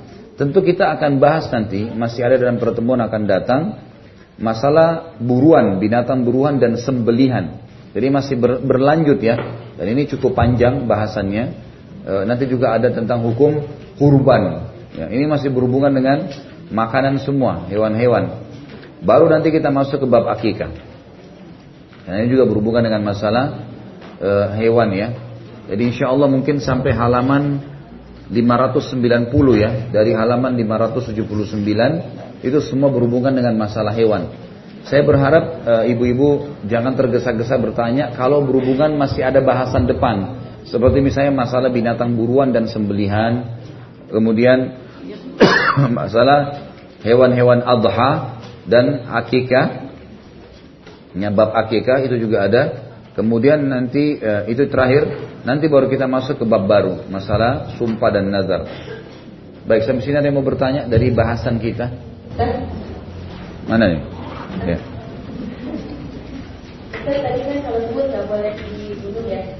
Kalau di rumah tuh kan kadang-kadang suka ada uh, kapur ajaib Ustaz. Nah itu seperti apa mainnya? Itu apa? Enggak, kalau kita taruh kapur itu niatnya supaya semutnya nggak lewatin, nggak ada masalah. Kalau tiba-tiba ada semut yang mati, ajalnya datang. Nah, tapi kalau ada semut, ibu sengaja kasih kapur di atasnya supaya dia mati, niatnya begitu itu yang tidak boleh. Iya, artinya kalau kita buat garis misalnya supaya dia tidak lewat, terus dia mati sendiri, itu nggak ada masalah. Karena kita niatnya, inna malam malam niat. Sebentar, sebentar, bu.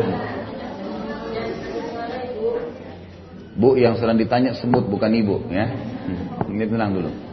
Jadi masalahnya adalah kalau kita sengaja inna malam niat, niatnya membunuh, maka berarti haram.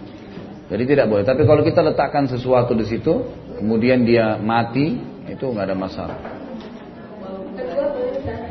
kalau yang tadi kalau nggak salah makan uh, sate mungkin ya atau gulai atau apa harus airnya air dingin minumnya. Enggak, bukan harus. Itu anjuran. Kalau tadi itu anjuran. Kalau kita memakan sesuatu yang dasarnya panas secara alami, maka kita harus cari sesuatu yang dingin secara alami. Saya kasih contoh tadi semangka dengan kurma. Maka itu masuk dalam semua jenis makanan lah. Nah sebagian uh, uh, ulama yang membahas masalah bab makan ini, kalau orang makan daging kambing, itu lebih baik dia nanti mencari sesuatu yang alami, dingin, dasarnya dingin. Mungkin dia makan buahnya semangka. Jadi jangan habis makan kambing makan durian. Sama-sama panas gitu loh. Jadi memang dia hindari dia hindari. Ini ini sunnah Nabi SAW karena beliau menggabungkan antara dingin sama panas ini. Dengan cara alami tadi ya. Apa tadi? Kalau semuanya banyak itu tapi gimana? Lebih baik, pokoknya jangan jangan dibunuh intinya. Kalau semprot kita membunuhnya. Lain kalau nyamuk, nyamuk, lalat, ya memang susah untuk ditangkap ya, susah untuk diusir lah. Kalau semut itu biasa tadi saya bilang, semut itu sebenarnya kita tinggal cari sumbernya. Sumbernya di mana? Itu sumbernya diangkat dia hilang.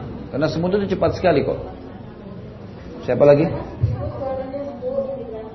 Sebentar sabar. Mic-nya dikasih siapa dulu, Bu? Maaf, yang pegang mic aja dulu ya. Nanti nanti ada ada kesempatan insya Allah.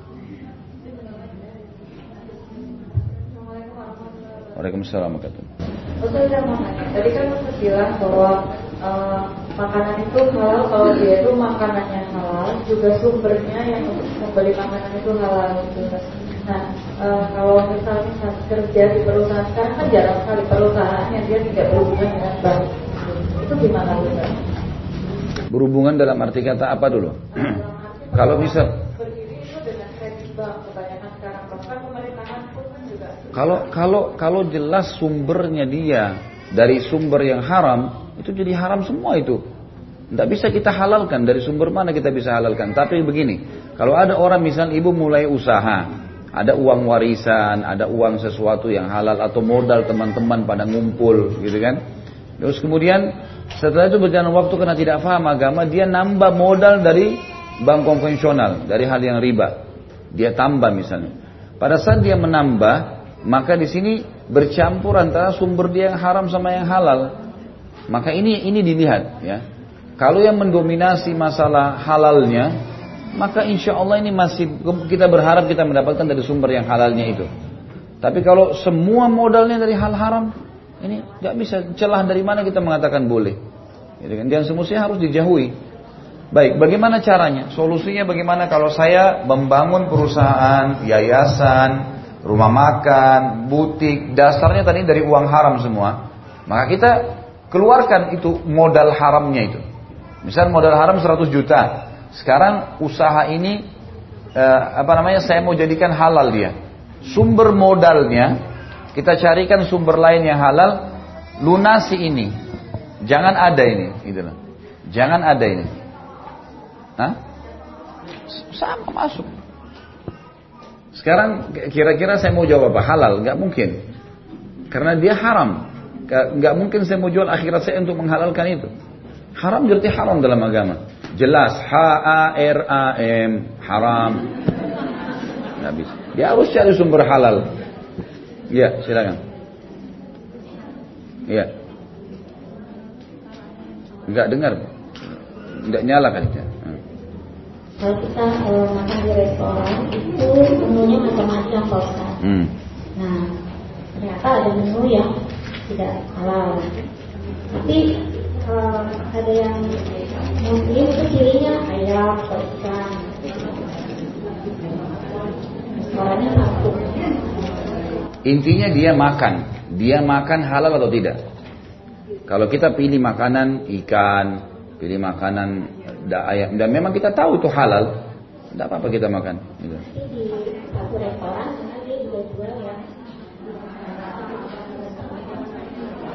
Intinya ibu makan halal atau bukan? Iya, itu jawabannya. Yang kita makan halal atau tidak? Bentar, sebentar. Yang bertanya saja yang ngomong nih. Bentar. ya saya pernah makan ada lagi jual sosis sama babi sama ayam saya Tentu lebih baik kalau kita tahu ada restoran lain, ada orang taruh meja, ini setengah kuenya semuanya halal, ini setengah masih bercampur. Saya beli yang ini, halal kah? Halal, halal.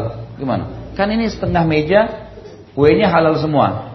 Ada di sini setengah lagi meja, kuenya ada campuran haramnya. Lalu ada orang datang beli yang ini yang halal. Halal kah buat dia? Halal buat. Sama halnya itu. Kecuali kalau dia beli yang ini atau jelas-jelas ini tadinya satu adonan juga dicampur dengan haram. Nah, itu baru.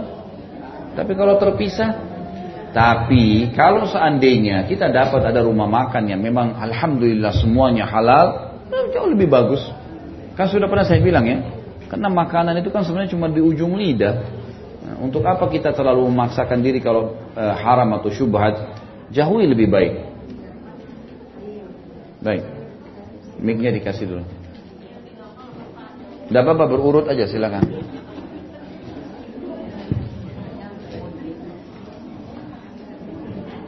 Assalamualaikum. Pak Ustaz kan kalau haram itu karena buruk ya. Kalau Allah kan memperbolehkan yang baik-baik ya.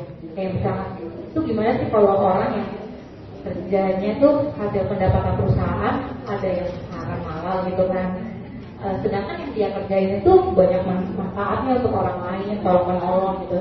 Contohnya kayak seller benang, terus eh, dia juga sholat, sholat lima waktu itu kan ada dalam tanggungan dan lindungan Allah.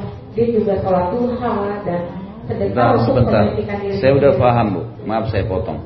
Tadi saya sudah kasih contoh. Tidak boleh bu kita melakukan kebaikan dari sumber yang haram.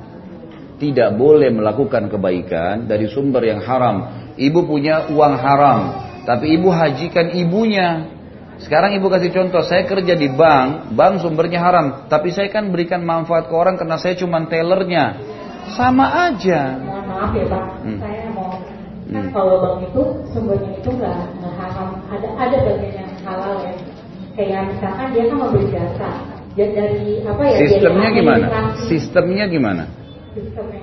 Sistemnya? Yang, yang saya tahu sih kayak misalkan ada biaya administrasi gitu ya, jasa yang diberikan oleh bank tiap bulan dibayar oleh eh, nasabah gitu kan. Misalnya kan nasabahnya bank itu kan jutaan, jadi penghasilan dari situ kan udah banyak gitu.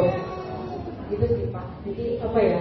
Yang Mungkin mungkin mungkin ibu bisa lebih jelas gini. Sebelum ke sana bertanya, saya menangkap ibu belum masih belum menangkap tentang makna riba, hukum riba itu seperti apa. Sehingga ibu mengatakan itu tidak ada haramnya.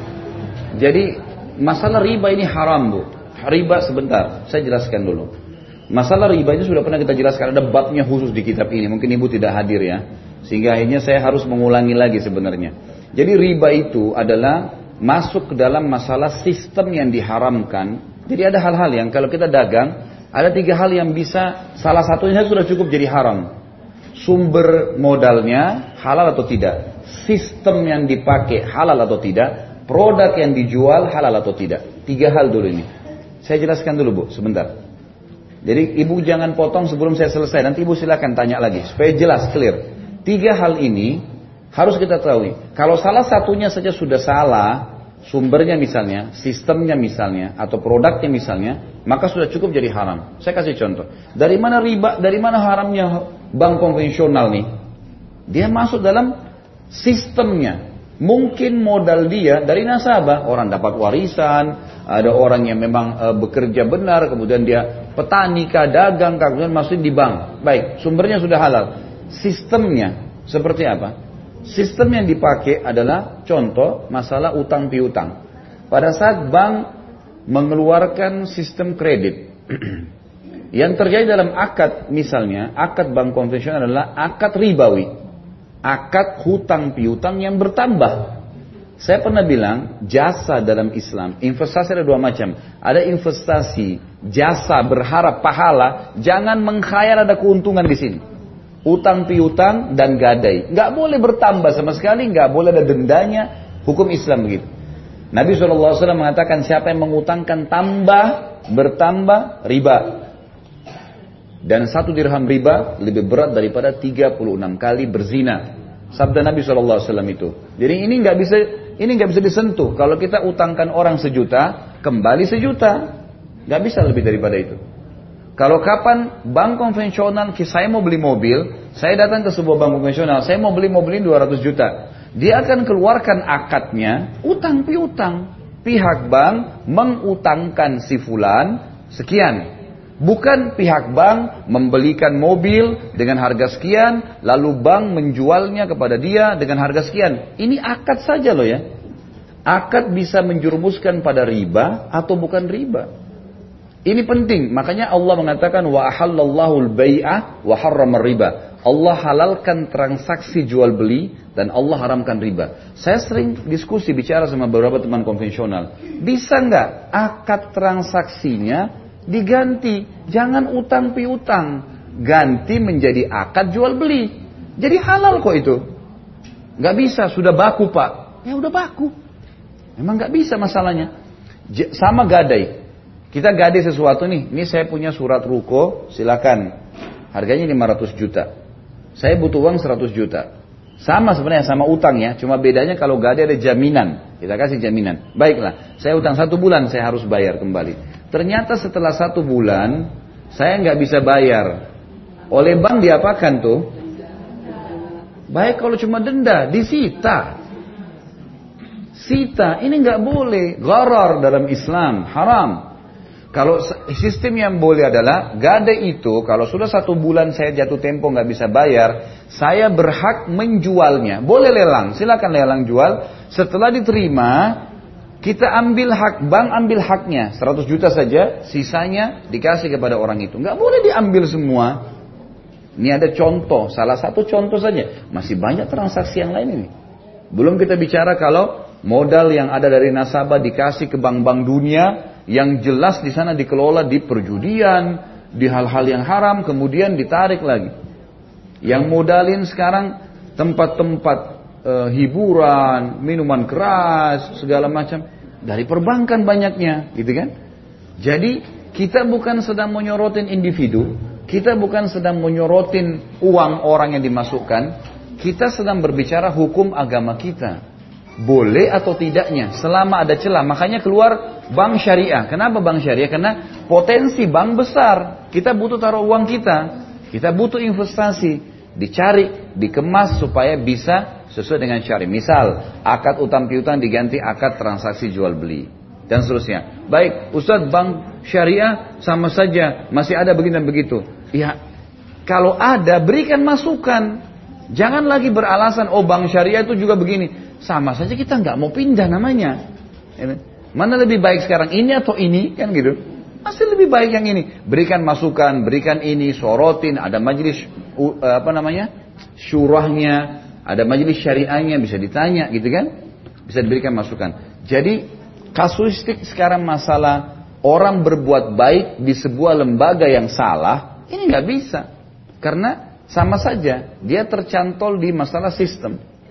Belum lagi produk tadi. Produk yang dijual adalah mengkreditkan sesuatu, telat, kena bunga. Sekarang kita pakai kartu kredit. Cicil 0%. Baiklah 0%. Tapi tanggal 30 saya harus bayar. Ternyata saya lupa. Tanggal 1 baru saya ingat. Kena denda nggak? Itu riba itu. Gak boleh kena denda. Dari mana pintunya orang bisa kena denda? Cicil ya cicil, telat ya ingatkan.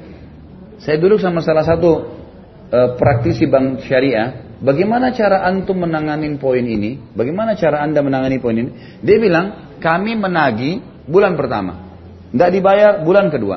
Nggak dibayar bulan ketiga. Setelah bulan ketiga kita blacklist aja dia. Udah nggak boleh lagi orang ini uh, menjadi nasabah di bank ini, gitu kan?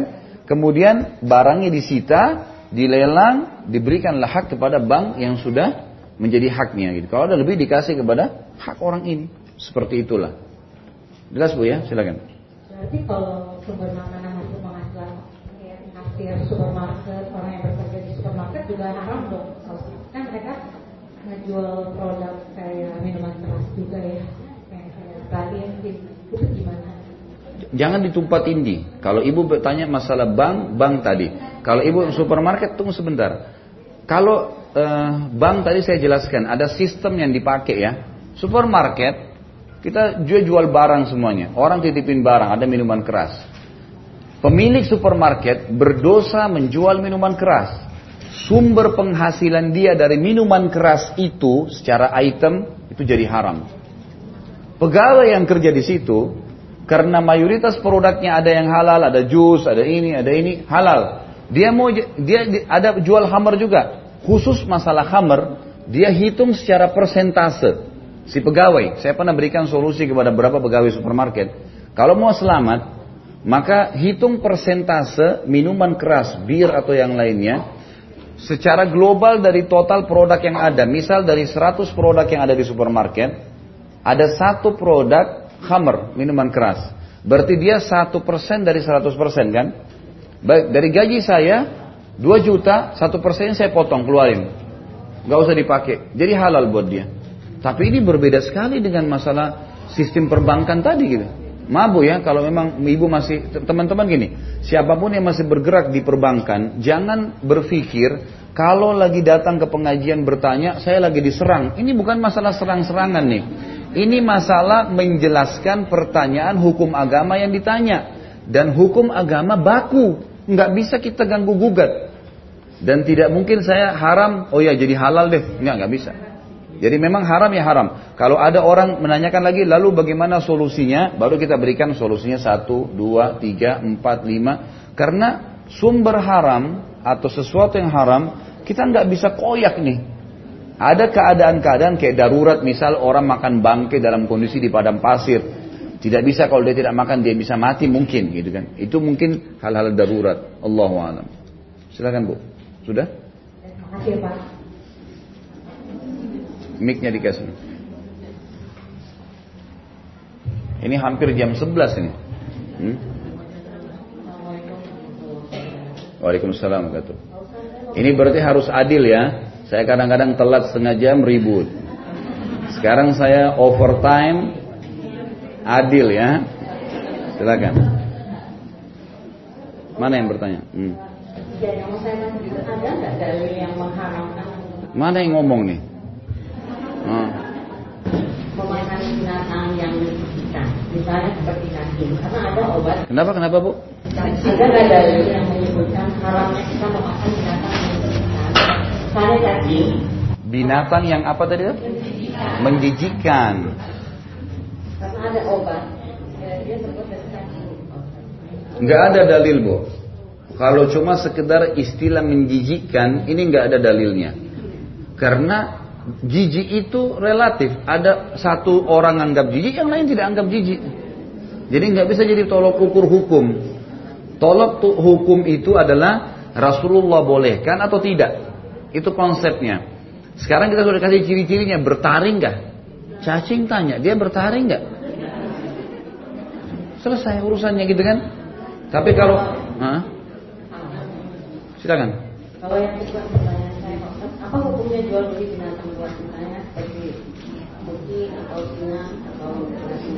Semua yang haram dimakan dagingnya, haram transaksinya. semua yang haram dimakan dagingnya, haram transaksinya. Jadi misal babi, anjing haram, nggak boleh kita makan karena dilarang, maka tidak boleh juga ditransaksikan. Ini sudah pernah kita jelaskan di bab jual beli. Ya. Ada lagi? Udah, ini terakhir ya. Kasih sebelah sini, stop sebelah sini belum. Waalaikumsalam. Uh, barusan tadi pagi dapat dua teks dari teman mengenai apakah biji pala haram untuk dikonsumsi. Menurut Pak Ustadz bagaimana Pak Ustadz? Karena teman-teman kan suka masak pakai biji pala Pak, itu Hmm. itu ada Saya nggak tahu. Saya pribadi belum tahu. Kalau saya pribadi belum tahu. Sekarang sebentar, sebentar bu, sebentar. Bu, ibu, ibu. Bukan tempat diskusi di sini, sebentar. Saya jelaskan dulu.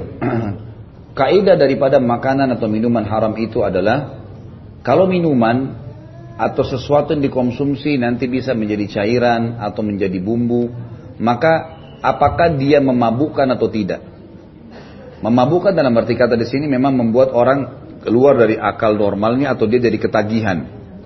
Itu tolok ukur dia itu adalah e, memabukkan ya. Misalnya narkotika, serbuk, tapi dia memang memabukkan.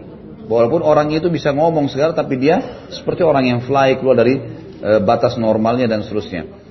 Nah ini kata Nabi SAW yang di, kalau dikonsumsi banyak sedikit ya, kalau yang dikonsumsi banyak memabukkan sedikitnya haram. Misal kita minum obat batuk ada alkohol 0,5 persen. Saya nggak mabuk kok minum ini. Pertanyaannya adalah hadis Nabi ini, kalau yang dikonsumsi banyak, kita minum segentong alkohol, eh, memabukkan maka sedikitnya haram, setetesnya haram, kan gitu. Ini kaidah dalam masalah pengharaman itu. Kalau pahala ini saya tidak tahu terus terang. Saya belum pernah tahu masalah itu. Tapi kalau di, dicari tahu, misalnya kalau ada eh, pasti ada pemicu pertanyaannya. Apakah ada seorang dai ustadz yang mengharamkannya? Cuma lihat ceramahnya. Mungkin beliau punya dalil. Allah alam. Kalau saya saya tidak tahu terus terang. Yang jelas saya berikan kaidahnya. Kalau dikonsumsi banyak memabukkan, maka sedikitnya jadi haram. Allah alam itu yang saya tahu.